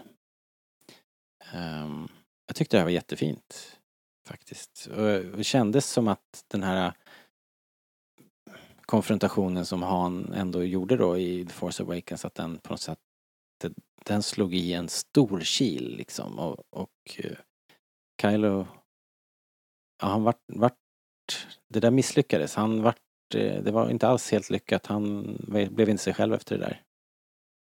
Vad säger du Daniel? Var det här någonting som som du gillade? Att han dök upp där? Ehm, ja, vanligtvis brukar jag inte gilla de här fanservice cameo-grejerna från de äldre. Men just den här scenen gillade jag. Den var, den var fin tycker jag. Mm. Eh, men var det bara jag som lade märke till att hans röst lät annorlunda? Han lät som någon helt annan person. Du sa det här tidigare. Jag, jag tyckte inte det. Jag, ty, jag, jag tror att det var han. Liksom. Jag tror inte det var något klipp och klistra där. Han har nog kommit in och jobbat det- ett par dagar. Känns Det bara lät som out of character. Jag vet inte, det, det distraherade mig lite. Men jag gillade scenen. Den var väldigt lugn. Det är så stormig, stormig miljö. Den, man fick till det jättefint där. Och att det var som en spegling av den gamla scenen. Mm. Men med en annan twist. Um, ja, jag gillar den. Jag gillar den. Eh, för att vara en sån cameo-grej. Mm. Det känns ju som cameo-grej liksom. Ja, men nästan. Men om mycket annat har sett lite, skra, har skramlat lite grann så, så tyckte jag att den här satt helgjuten liksom faktiskt. Mm. Ehm, ja, ni andra då? Fredrik, vad tyckte du? Ja, och jag som tänkte vara tyst bara får inte vara negativ. Men eh, ja, förresten, jag håller med Daniel. Jag tyckte att det, det var någonting med rösten som var Hmm. lite off på något sätt.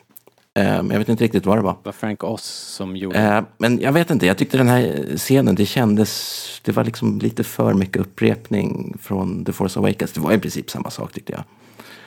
Ehm, och det kändes som att, det var ju där Kylo svängde liksom, men det, det kom så...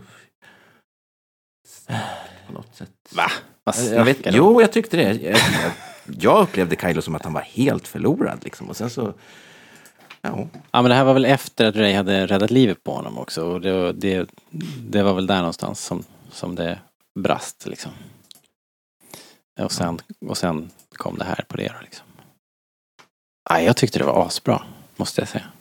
Det var Det är ändå lite intressant att det liksom är Alltså hans föräldrar har ju försökt nå honom nu i liksom flera filmer. Att, eh, och uppenbarligen så har ju liksom hans död skadat honom jättemycket. Det prat, nämns ju mycket i Last Jedi ändå, hur, hur liksom illa det går för honom efteråt.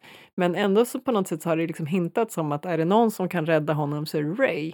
Och visserligen visst att hon gör den här goda gärningen och räddar honom har ju betydelse, men det är ändå på något sätt liksom föräldrarna och liksom eh, Leia offrar sig och sådär, att det är det som till slut får en effekt och som till slut lyckas tränga igenom. Fast det Eh, det hade jag kanske inte hade tänkt riktigt. Nej. Men det här Men med det är okej. föräldrarna ändå, jag tycker det känns sekundärt ändå. Leia, hon, hon, försöker, hon får ju kontakt där då. Och distraherar honom tillräckligt länge för att Ray ska få överhanden. Och det... Ja, där dör ju Leia också. Det var ju också en, en scen kanske vi skulle ha nämnt. Men, eh, Jag tycker det var väldigt otydligt vad som händer. Jag fattade inte riktigt. eh, just med Leia och kopplingen där. Ja, liksom hon bara, ja, hon bara gick och la sig. Och, ja, Ja, där fick ju nej. Mas Kanata rycka ut som en eh, förklara lite så här exposition inhopp. Eh, Att eh, ja, det, för att göra det där så skulle hon typ använda alla sina, sina sista krafter för att fixa det där. Ja, ja. Ehm, Jag funderade på om det var där som hon tog steget och blev eh, jedi-riddare. mhm. Och så vidare liksom eh, orsakade eh, ja, Den här störningen, citationstecken, ja. eh, ja men eh, Kylos död. Eh, ja, kanske det kanske. Men jag tänker ändå att det i slutändan handlade om om eh, bara en distraktion som var tillräcklig för att Ray skulle få överhanden. Ray och Kylo är ju som sagt, de, de hörde ju, de hänger ju ihop.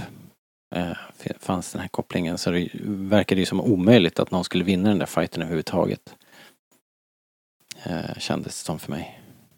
Två grejer där att nämna när vi ändå pratar om det. I, i den scenen när, när Leia dör. Dels så tror jag inte att det där var ju ingen, det var ju nyinspelat eftersom allting var i motljus. Jag tror att det där var någon body double Mm. kändes det väl som. Och sen så hade vi ju Maskanata där och eh, jag fick bekräftat idag genom eh, Matt Denton på Instagram att eh, Maskanata var en helt eh, praktisk effekt i den här filmen. Hon var en mappet i, i hela filmen. Jaha. Jaha. Det tyckte jag var coolt. Men var det Lupita Nyong'o som körde rösten fortfarande? Ja, det var. Ja. Så om man, om man kan lita på IMDB, men det, det lär det väl ha varit. Mm. Eh, och så var det en ny person i R2D2. Det var en liten kille som heter Hassan Tai. Som, som var R2 i den här filmen. Så var det med den saken. Ehm, Vad hände med den gamla då?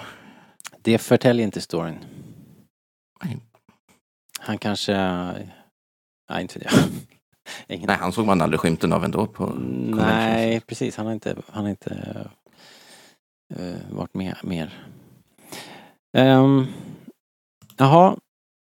Alright. Uh, eh, Lando, Calrissian då. Billy D. Williams. Uh, han var ju med i trailer och grejer. Det var rätt mycket halabaloo. Mycket artiklar och intervjuer med honom också innan här. Han har fått rätt mycket, mycket press. Uh, och ehm, det var ju den personen som saknades lite grann i den här trilogin eftersom de ändå hade envisats med att, att släppa fram det här gamla gardet. Um, jag tyckte det var kul att se Lando. Uh, han fick ju på något sätt uh, samma roll. göra exakt samma sak som han gjorde i The Return of the Jedi. Om man ska vara elak. Uh, han...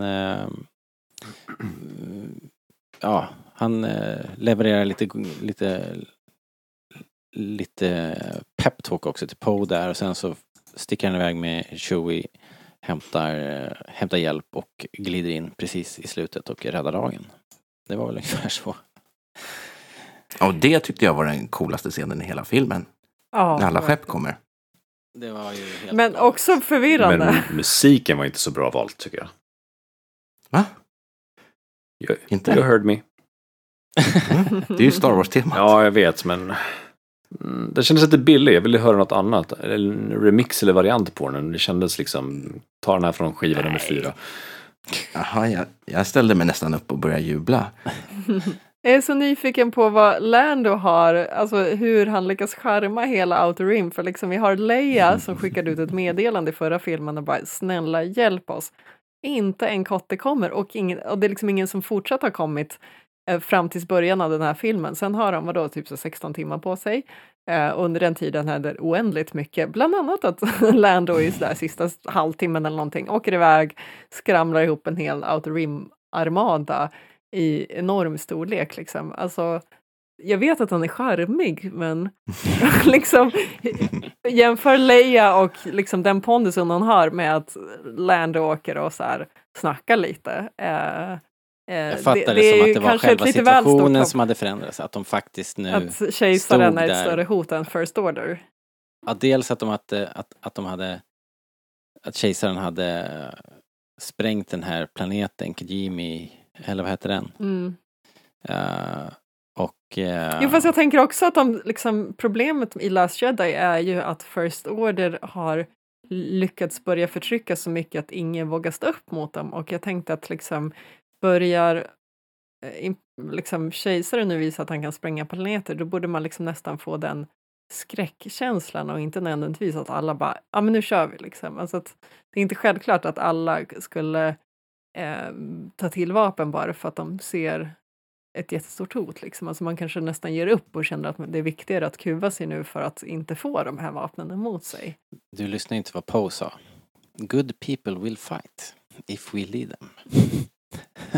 Ja, men till skillnad från i Last Jedi där ingen kom då. Men ja, visst. Ja. För jag gillade ju Eh. lite att det var svårt att hitta folk i Last Jedi och eh, Ja. nu var det inte det längre. Men visst, så här, det, var ett, det var en annan situation. Det blev bara lite snabbt kanske. Kanske, lite väl snabbt.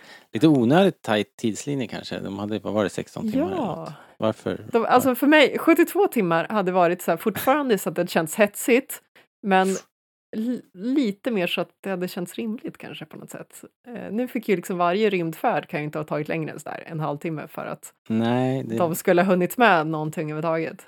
det kändes för nästan så många som ett planeter de var eh, på 24 under liksom. ja. Ingen, inga, aldrig några trafikköer i 24. vet man ju med Los Angeles. Shit om det skulle hänga på det liksom. inte. Ja, två avsnitt. Hela universums öde. Um, Alright. Uh, ja men det var i alla fall trevligt att se Billy D. Williams tycker jag. Har ganska god form ändå. När du är inne Alltså. på Lando, kan vi inte prata om Chewie lite? Jo, precis. Vilken jäkla grej. Ehm, jag är ju... Jag var ju helt inne i filmen. Jag gick ju på det där benhårt. liksom. Eh, jag trodde Chewie var en goner där. Eh, och det var väldigt jobbigt. Men det stod sig inte så himla länge utan vi fick ju gudskelov veta att han levde då. Men, men var det för kort kanske? Var det där var det där en twist som de kunde hållit på lite grann kanske? Eller? Var det Ja. tvungen att vara en twist? Vad sa du? inte Var det tvungen att vara Nej, en för twist? all del. Nej, det, ja, nej. Det känns som det hade varit mer betydelse för storyn om han hade dött då och hon, hon hade gjort det misstaget. Nu kändes man liksom... Ja. Nej, så att Ray liksom... Ja, jag inte. Du gjorde inte fel ändå. Jag känner att det hade vad heter det, Chewie verkligen dött där, vilket, och jag känner samma sak som dig Robert, det var extremt gripande. Det var, jag blev mer tagen av det än vad jag trodde, eller trodde att det skulle bli. Eh, men hade han dött på riktigt, då hade hennes eh, vandring mot den mörka sidan känns mer verklig. Mm. Eh, Japp. På något sätt så var det så att när hon fick reda på att han inte dog, eh, då, och framförallt när de började rädda honom och allt det där, då kändes det som att man verkligen kunde sitta tryggt och bara, ja men hon är verkligen, det är inga problem alls. Visst, hon sköt lite blixtar, men ingen fara, det här löser sig. Eh, men hade hennes blixtar verkligen haft en effekt och att Chewie dog, då, eh, då hade jag varit nervös lite längre in i filmen. Men var inte det problemet med film överhuvudtaget? Det var mycket, det här är riskabelt. Men sen liksom återvänder de till ursprungsformen. Eh, som med C3PO bara, du kommer inte minnas någonting, vi kommer radera ditt minne. Och sen får han minnet tillbaka igen. Till, till slut kändes det som att man lärde sig det och att det blev, det var flera saker, jag kan inte komma på dem nu men Att det upprepas gång Ja, och- Jag gjorde en, en liten lista, jag har i alla fall fem stycken tillfällen där det hände. berätta. Jag kommer inte ihåg det nu. Eh, ja, men vi har så här, C3PO raderar minnet, Mm. får, tillbaka efter några minuter. Eh, Chewie dör, men överlever. Eh, Kylo dör på dödsstjärnan, men överlever. Eh, Kylo blir knuffad ut för ett stup. Vi tror att han dör, men överlever. Eh, och Ray dör, men överlever. Ja, ja, okej. Fair enough. Det är som att de har Eh, gjort en film av den här, eh, vad heter det, Smiling så här, semikolon PPPPP eh, som var ganska poppis för några år sedan. Jag vet inte om ni förstår vad jag menar. Nej. hintar Ja, åt ena hållet så blir det något annat. Eh, eh, det, det är som att JJ Abrams har använt den genom hela sin uppväxt. Ja, eh, det, det, ja, jag gick ju på det. Men, eh, men, Jo, men jag gick så också sagt, på hade de, håll, hade de hållit, hållit på det så hade det varit bättre. Men sen tänker jag också så här, okej för, för kidsen då liksom, så funkar det ju liksom. Eh, För, för de här yngre fansen så, så funkar det. Men det hade ju absolut varit värt att, att hålla på det till... De kanske hade kunnat rädda Chewie precis, precis i tredje akten där på sl- i slutfighten istället. Liksom. Lika gärna. Jag tycker nog eftersom det här äh, är liksom sista filmen. Jag hade gärna sett att alla de här grejerna som jag just räddade upp, att det liksom fick stå. Alltså att C3PO verkligen förlorade minnet, att Chewie dör. Kylo dör. Det gör han Det gör han och, och Ray dör. Alltså så att man verkligen kände att oj, det här är liksom slutet. Jag håller med dig Fredrik. Mm, jag med. Fast det hade blivit, det hade blivit så... Det hade blivit så jäkla dystert. Alltså. det är lite som Harry alltså. Potter. Ja. Fast Men- där lever väl alla? men- Vadå? Det är väl ingen som dör i Harry Potter? Det är ju hur många som helst som dör i Harry Potter. Jaha. Inte Okej. kanske av huvudpersonerna men eh, i stort sett alla andra känns det som. Så att eh, där känns det som att saker verkligen står på spel och i den här filmen tar de, Nej, de vågade inte inte... koll på en enda. Nej, de vågade inte riktigt det. Ehm, det, det, det hade kunnat, kunnat eh, få stå kanske. I alla fall någon, eller så. någon liten. Men hörni, alright. Eh, vad var vi? Vi började på Lando. Eh, Luke, jag vet inte, Mark Hamill, är det så mycket att säga om honom egentligen? Han, han fick vara med i en film till. Eh, jag Han gjorde det han skulle, Ja, ungefär. Precis. Precis. Varken eh, mer eller mindre. Ska vi säga någonting om Poe och Finn kanske? Båda de fick ju lite mer att göra här. Eh, Rose kan vi baka in där också. Hon fick ingenting att göra. Bortskriven nästan. Snacka om att bli statist helt plötsligt. Ja, det var ju lite märkligt. Hon var ju liksom så här, eh, friendzonad av Finn och eh, Finn fick ett nytt eh, love interest kan man väl säga då. För att det var ju en det var ju uppenbart att Rose var var kär i Finn i alla fall. I, I förra filmen, i den ja. förra filmen. Det var ju, gick ju inte att ta miste på. Men de valde att inte köra vidare på det. Jag tycker gott och väl de hade kunnat eh, strunta i den här nya karaktären, Mm. Jenna, Ja. Mm. och ersatt henne med Rose istället. Ja, det var lite konstigt val ändå. Jag känner inte riktigt att, de, eh, att hon fyllde samma funktion kanske. Alltså jag tänker ändå att hon gav en eh, nå- ett litet, litet djup till Finns bakgrundshistoria på något sätt. Och att han fick en liten... Ja, det var snyggt så tycker jag. Absolut, absolut. Det enda jag kan tänka är att eh, det fanns ju också någon sorts triangeldrama. ehm, hade, eh, eftersom, eftersom Finn ju var, var ju liksom lite kär i, i Ray också. Och här vart det ju en, en love story mellan, det vart ju liksom allvar mellan Ray och, och Ben och Kylo liksom. Hade då inte eh, Ja, då hade man ju i alla fall varit, behövt vara tydligare med jag vet inte om det är därför som man kände att man behövde ha ett, ny, ett nytt love interest för Finn på något sätt. För att inte han skulle bli hängande på något sätt. Jag vet inte, det känns, ja jag vet inte.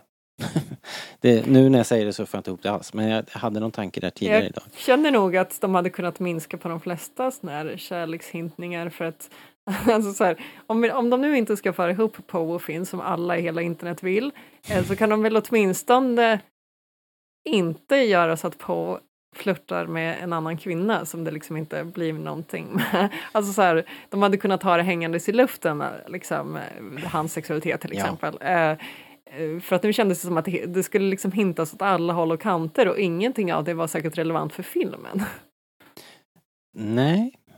Och, och då menar jag inklusive Rose kärleks... Eller hennes känslor för Finn i förra filmen. Alltså, så jag kände inte att det heller var relevant. Att, att hon dyrkar honom som person eller liksom som hans roll i eh, eh, motståndsrörelsen, det är en sak, men hon hade inte behövt vara kär i honom. Och det är, liksom, det är ganska många av de här grejerna, och på samma sätt som jag känner att Ray och Ben kan ha en, ett fantastiskt starkt band utan att det behöver vara en klassisk kärleksrelation. Mm, för i, eh, där igen då, i The Force Awakens så var det mycket mer så. Mm. Eh, de, var, de, var, de var bara superbästisar liksom. Ja, ja. Nej, det var, eh, jag kan tycka att, eh, att det i och för sig var ganska väl utfört liksom. Det var, det var hon, eh, Jenna hade en, en bra story. Det var en bra backstory och kul backstory och passade ju jättebra då liksom. Eh, det var en ganska fin scen där med Finn när de, när de bondade liksom. Det tyckte jag verkligen.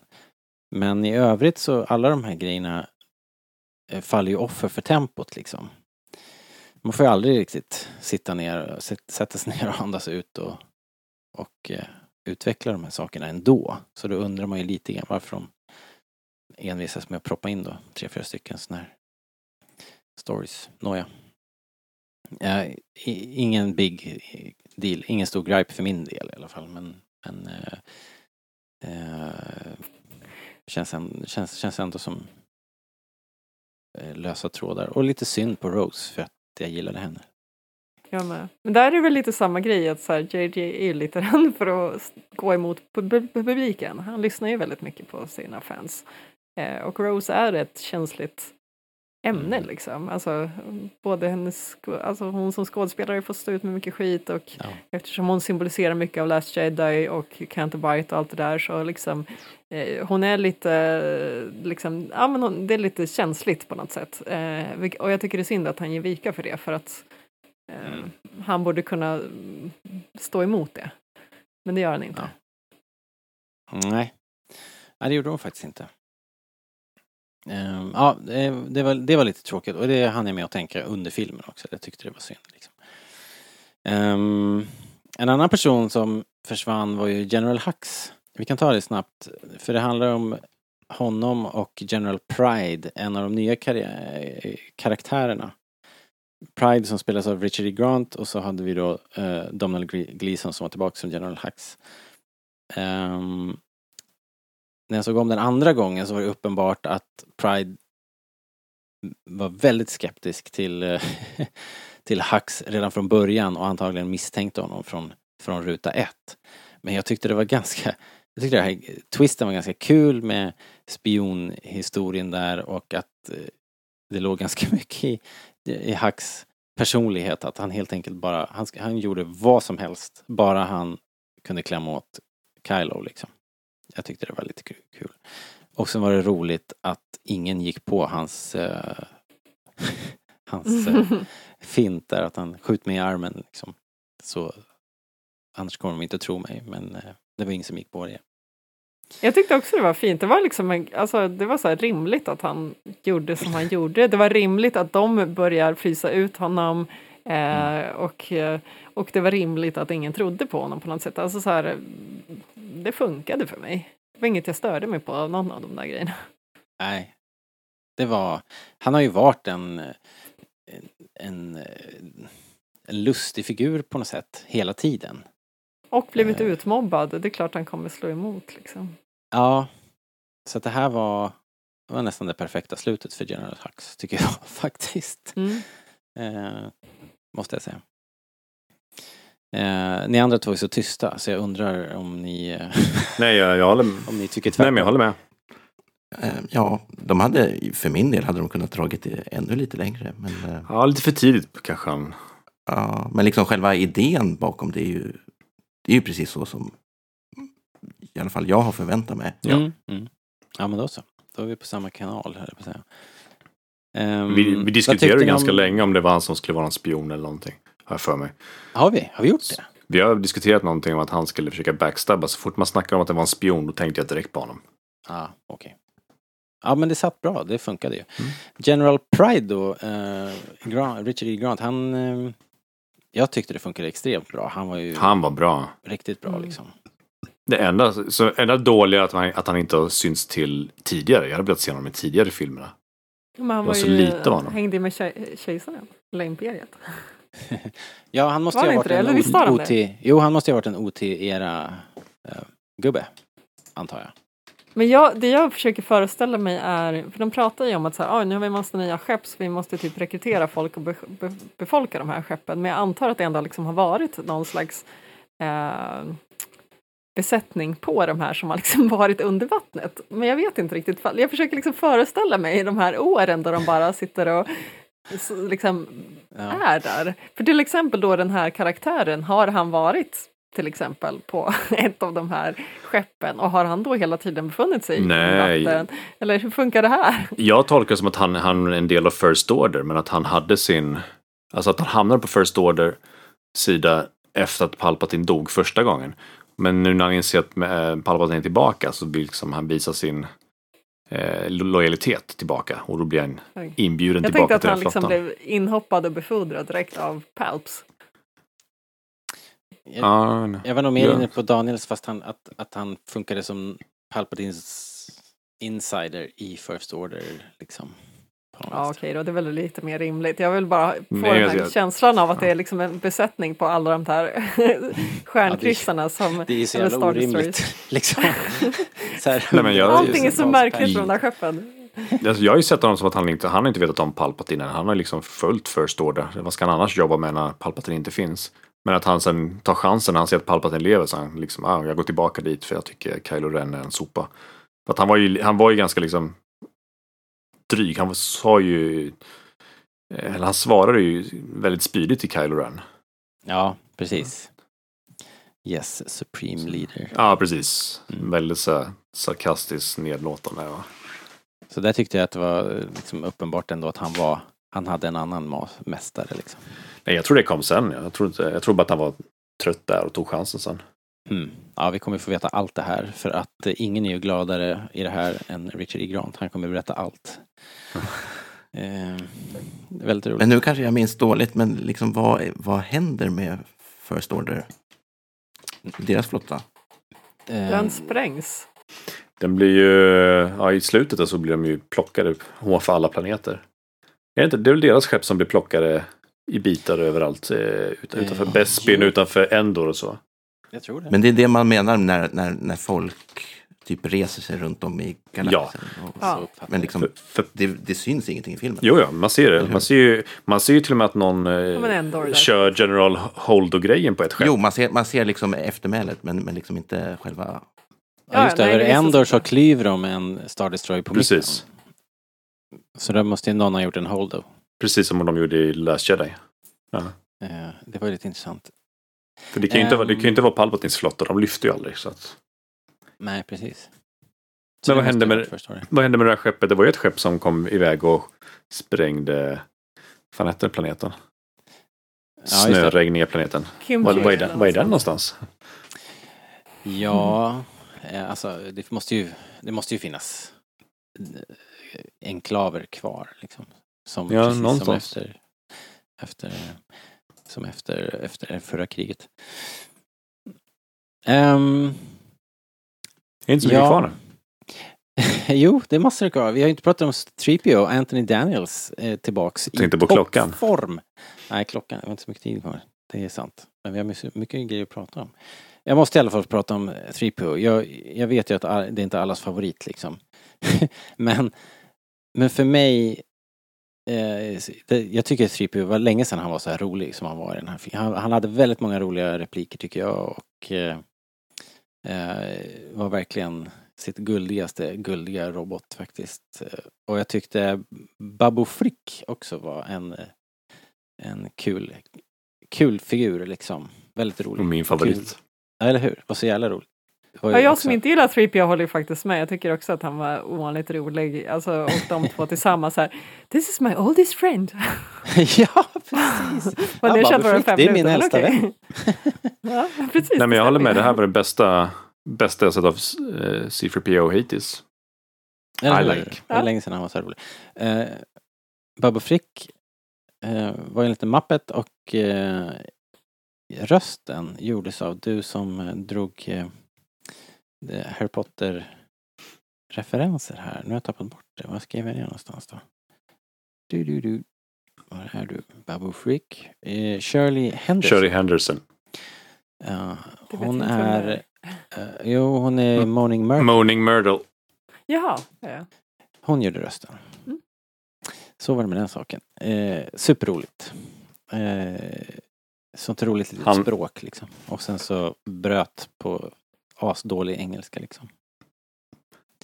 Jag kräver en, sol, en eh, standalone film.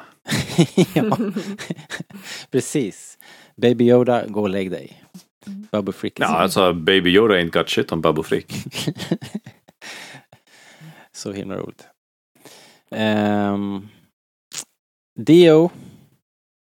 Eh, rösten görs av JJ Abrams, en up and coming voice talent.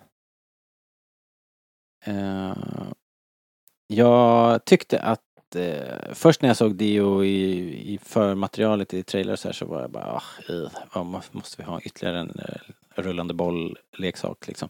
Men jag tyckte ändå att han eh, hanterades på rätt sätt i filmen faktiskt. Eh, lagom lite plats och hade ju trots allt ändå någon sorts funktion eftersom han satt inne på massa information då. Också kul att han fick en personlighet som var ett resultat av hur han hade blivit behandlad. Ja, precis. Det var rätt fint. Ja, faktiskt. Alltså, Ja, men- Droid C Star Wars har inte alltid behandlats så här jätteväl, alltså ur publikens synpunkt eller vad man ska säga. Alltså att det är inte bara att de är slavar utan det känns som att eh, eh, ja, men oftast är de liksom obetydliga lite i, ja men som du säger, det är inte- de är inte så viktiga för handlingen och lite så. Men här kändes det som att eh, ja, men, det, det, han behandlades med respekt på något vis. Ja. Kul, kul, kul.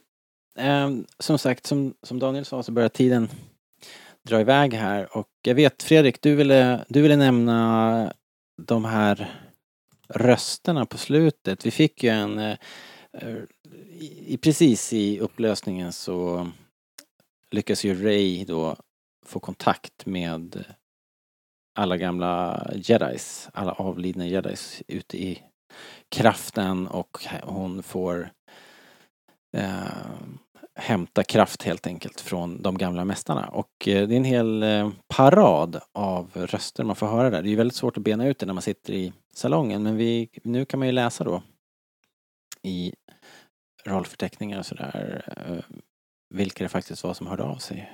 Ehm, Fredrik, har du koll på de här eller? Eh, ja, jo, man hörde ju Hayden Christensen och, och Som Anakin? Samuel Jackson. Och, Japp. eh, Ewan McGregor, Alec Guinness och Frank Oz. Hörde du? Ja, det var ju, det hörde var du- ju massor, jag massor, hörde massor aldrig med. Att, Alec, att det var Alec Guinness ljud där, men det står att han ska... Jo, de hade den här samma eh, Ray. Ah. Det var ju bara det som man sa. Liksom. Ja, det är svårt att hänga med. Alltså, ja, jo, det var ju förstås uppenbarligen uppenbar. Eh, Hayden Christensen hörde jag, men eh, jag lyssnade efter Obi-Wan så inte att det hörde vare sig Ewan McGregor Nej. eller Alec Guinness faktiskt. Däremot Cool. tror jag, kan det vara typ Luminara eller något sånt där? Det skulle... Mm. Mm.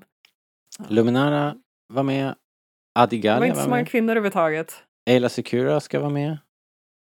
Eh, Ah, Asoka okej, ska ja. vara med. Det kanske i och för sig var Al- Alice Curie, båda de har ju någon slags brytning när de pratar så jag vet inte riktigt vilken det var jag hörde. Var Soka med också?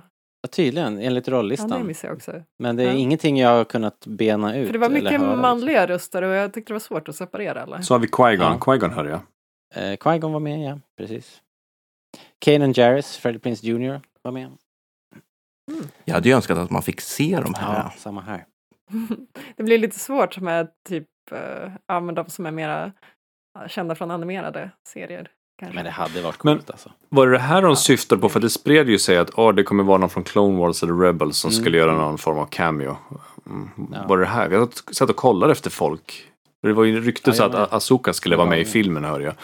Men då var det ju rösten de tänkte på i så fall. Ja, tydligen. Men jag kunde inte bena ut. Jag kan inte höra, jag kan inte höra, jag har sett filmen två gånger, kan inte höra att Ashley Eckstein är med. Nej, inte men, heller. Det är rätt svårt. Men, men. Så frågan är om det stämmer eller om det här är något IMDB-önsketänkande. Det är oklart i dagsläget. Um, ja, ska vi ta ett, eh, bara ett slutgrepp här nu? Vi har ungefär tio minuter kanske att knyta ihop den här säcken. Ska vi... Vi har ju såklart pratat om massor av saker som är bra och dåliga, men om vi skulle sammanfatta, om man får säga en sak som, som kanske inte funkade för en med den här filmen. Vad skulle det vara då? Om man ska plocka ut en grej. Ehm, ja, får ni väl göra som ni vill om ni känner att ni inte vill ta samma saker som varandra och så vidare. Men, ehm, vill du börja Hanna? Någonting som inte, som inte funkar för dig? Som inte funkar för mig, alltså jag har sagt några saker men jag hade gärna tagit en längre tidsaxel för att det kändes som att det bara blev fånigt. Mm. 16 timmar. Eh, det var en sån sak som jag liksom störde mig på lite genom hela filmen. Det var inte en, en jättestor grej eh, alls. Eh, men, men det blev lite för speedat på något Japp. vis. All right. Eh, Daniel? Alla lösa trådar som man fortfarande inte får förklarat. Att allting i de två tidigare filmerna skulle förklaras med det var jag som låg bakom allt det här. Och man liksom, jag vet inte, det, jag saknar nå- något mer. Det var ett enkelt sätt att bara ta bort ansvaret från allting och försöka starta en helt ny story med nya händelser, nya trådar och, ja. Lite för många lösa trådar, Ja. lite för snabbt eh, över... och för många skapare av nya trådar. Jag förstår inte riktigt. ja. Eh, Fredrik då? Ehm, ja, jag, jag tror jag är lite inne på samma sak som Daniel. Ehm, det går lite för snabbt, det är lite för mycket. Ehm, jag skulle gärna sett att liksom manuset eh, redigerades ner lite i sitt omfång. Det är för sent nu. Fredrik. Ja. Ja, ja men det där... eh, Jag skriver under på allt det där. Jag, det, det, det, det enda som var lite så cringe moment för mig i filmen, som liksom jag, när jag såg den första gången, då var det, det var ju verkligen fullt ös och allting hände på en gång. Men det var när Luke fångade ljussabeln Oh ja. och han klickar ut sig att, att en ljussabel den måste behandlas med respekt. Look who's talking, skrek jag då nästan. Det gjorde jag inte, borde ha gjort. Uh, Alright, uh, vi tar ett varv med någonting som vi som vi verkligen gillar med filmen då. Eh, Hanna, en sak som du älskar. Alltså jag tänker fuska. Jag tänkte säga att det viktigaste på filmen är Kylo Ren och Ray. Det är Mm. det viktigaste liksom för, för mig. Eh, men två bonusgrejer är Wedge Antilles och Chewbaccas medalj. Nu fuskade jag. De är inte viktiga för hela filmen, men åh, vad härligt det Nej, var. nej, men det var nice liksom. Ja. Mm. Jag har redan glömt vilken ordning ni körde, Fredrik. Fredrik får säga då. Ehm, och ja, eh, eh, mm, det borde inte ta så här lång tid. Nej, vi har inte tid med det här. Jag kan ta det emellan om du vill, fundera.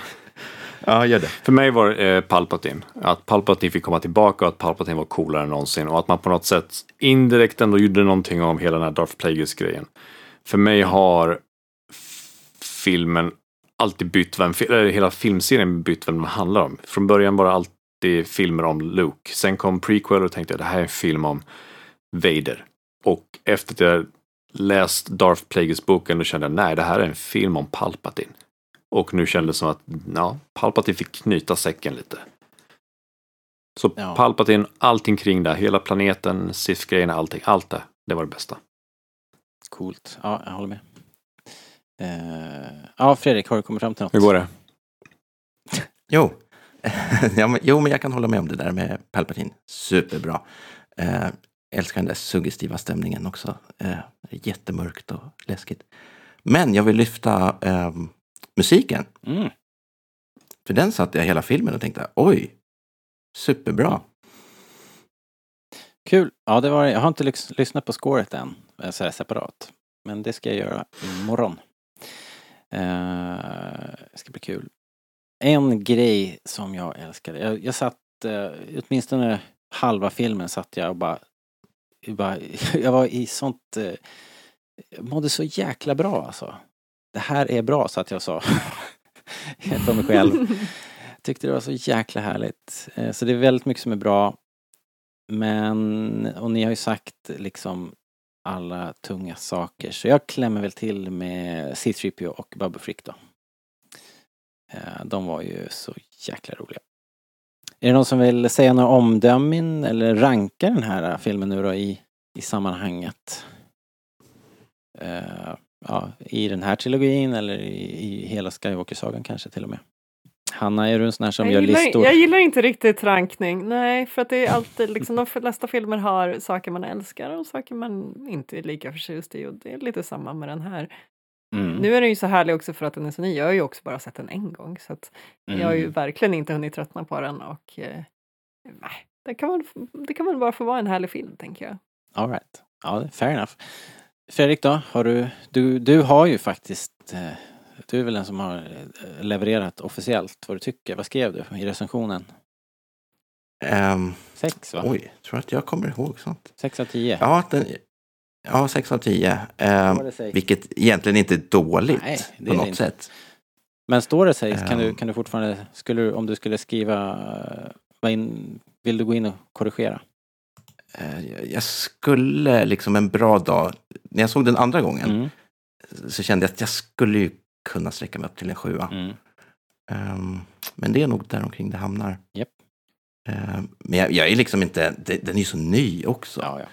Jag, jag är inte främmande för att det här kommer växa på mig. Det tar alltid lite tid för en ny film att, att sätta Så är sig. det faktiskt. Daniel då, hur känner du? Du är den som har varit tydlig med från början att du tyckte att det var, det var saker som skavde direkt liksom. Eh, ja, jag är, jag är fortfarande, till och med efter den här podden, väldigt, väldigt kluven vad jag tycker. Jag tycker att de, bra, de grejerna som var bra var väldigt bra i filmen. Men de grejerna som var dåliga var väldigt dåliga också. Eh, och det är, jag ändrar alltid mina betyg efter ett tag på alla filmer jag har Ja, sett behöver hittills. Men, men om jag, jo, men nu vill jag sätta ett tillfälligt betyg. Men just nu, just nu betyget är 3 av 5. Den hamnar någonstans i mitten. Mm. Den är inte dålig, den är inte bra. Mm. Jag vet inte mer. Jag tror det framkommit ganska mycket just i, den här, i det här poddavsnittet varför jag tycker eh, eller vad jag tycker om alla sakerna. Mm. Vad som är dåligt, Och det vad är som ju är inte bra. orimligt på något endaste sätt. Jag måste säga att det har ju varit andra, andra sådana här där vi har gjort Daniel, när vi har pratat om filmerna direkt efter så här, så har ju jag ofta varit den så här, bara, nej men vad pratar ni om? Allting är toppen liksom. Men, men i det här fallet så, så, så är, är jag mycket närmre er känner jag i, i min kritik och min Oh, fan. eh, över, ö- overall-känsla faktiskt. Jo men så är det. Jag var ju jätte, jätte, jättenöjd och superpepp när vi hade sett den första gången. Då hade jag lätt, eh, jag var helt klart uppe där bland femmorna och, och eh, rafsade runt liksom, skulle välja en och, och ställa upp på hyllan liksom. Men, men nu eh, efter att ha landat lite, sett den igen och tänkt efter en stund så, så får den inte full pott. Men jag tänker ändå ge den fyra av fem faktiskt. För att det är mm, liksom för mig med, med förutsättningarna vi hade eh, inför den här filmen och, eh, och så, så är det ju ett bombastiskt eh, slut. Och jag älskar slutet för Kylo Ren. Jag tyckte det var klockrent och, eh, och eh, ja, ja hela, hela Ray och Kylo storyn fick en fantastiskt slut. Det var riktigt snyggt. Och så, såklart Palpatine och allting som ni har sagt som var bra var bra. Ja, så jag, jag rankar den ganska högt. Um, mm, Alright då hörni.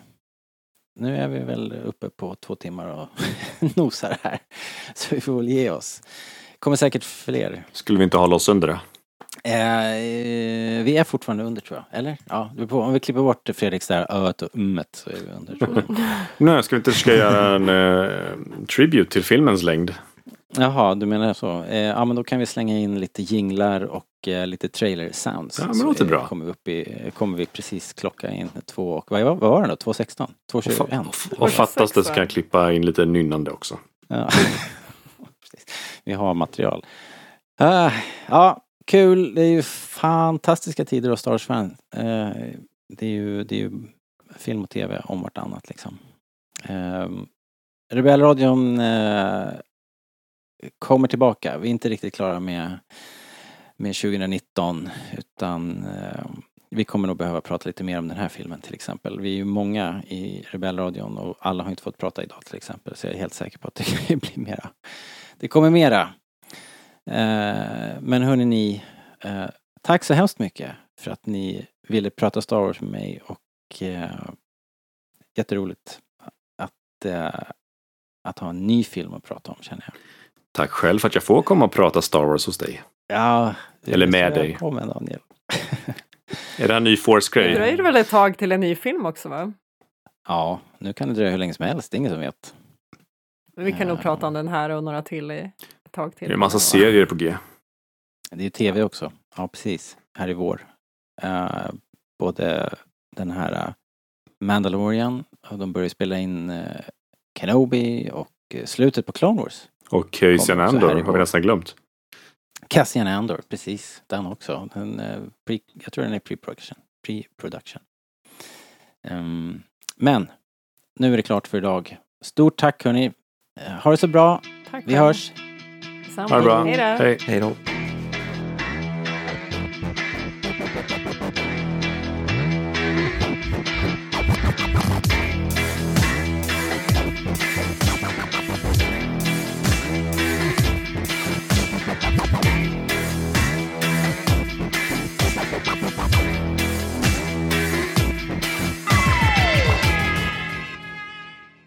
Ska vi varna att det här är en spoilerpodd? Eh, det har vi gjort. Ja, men då så.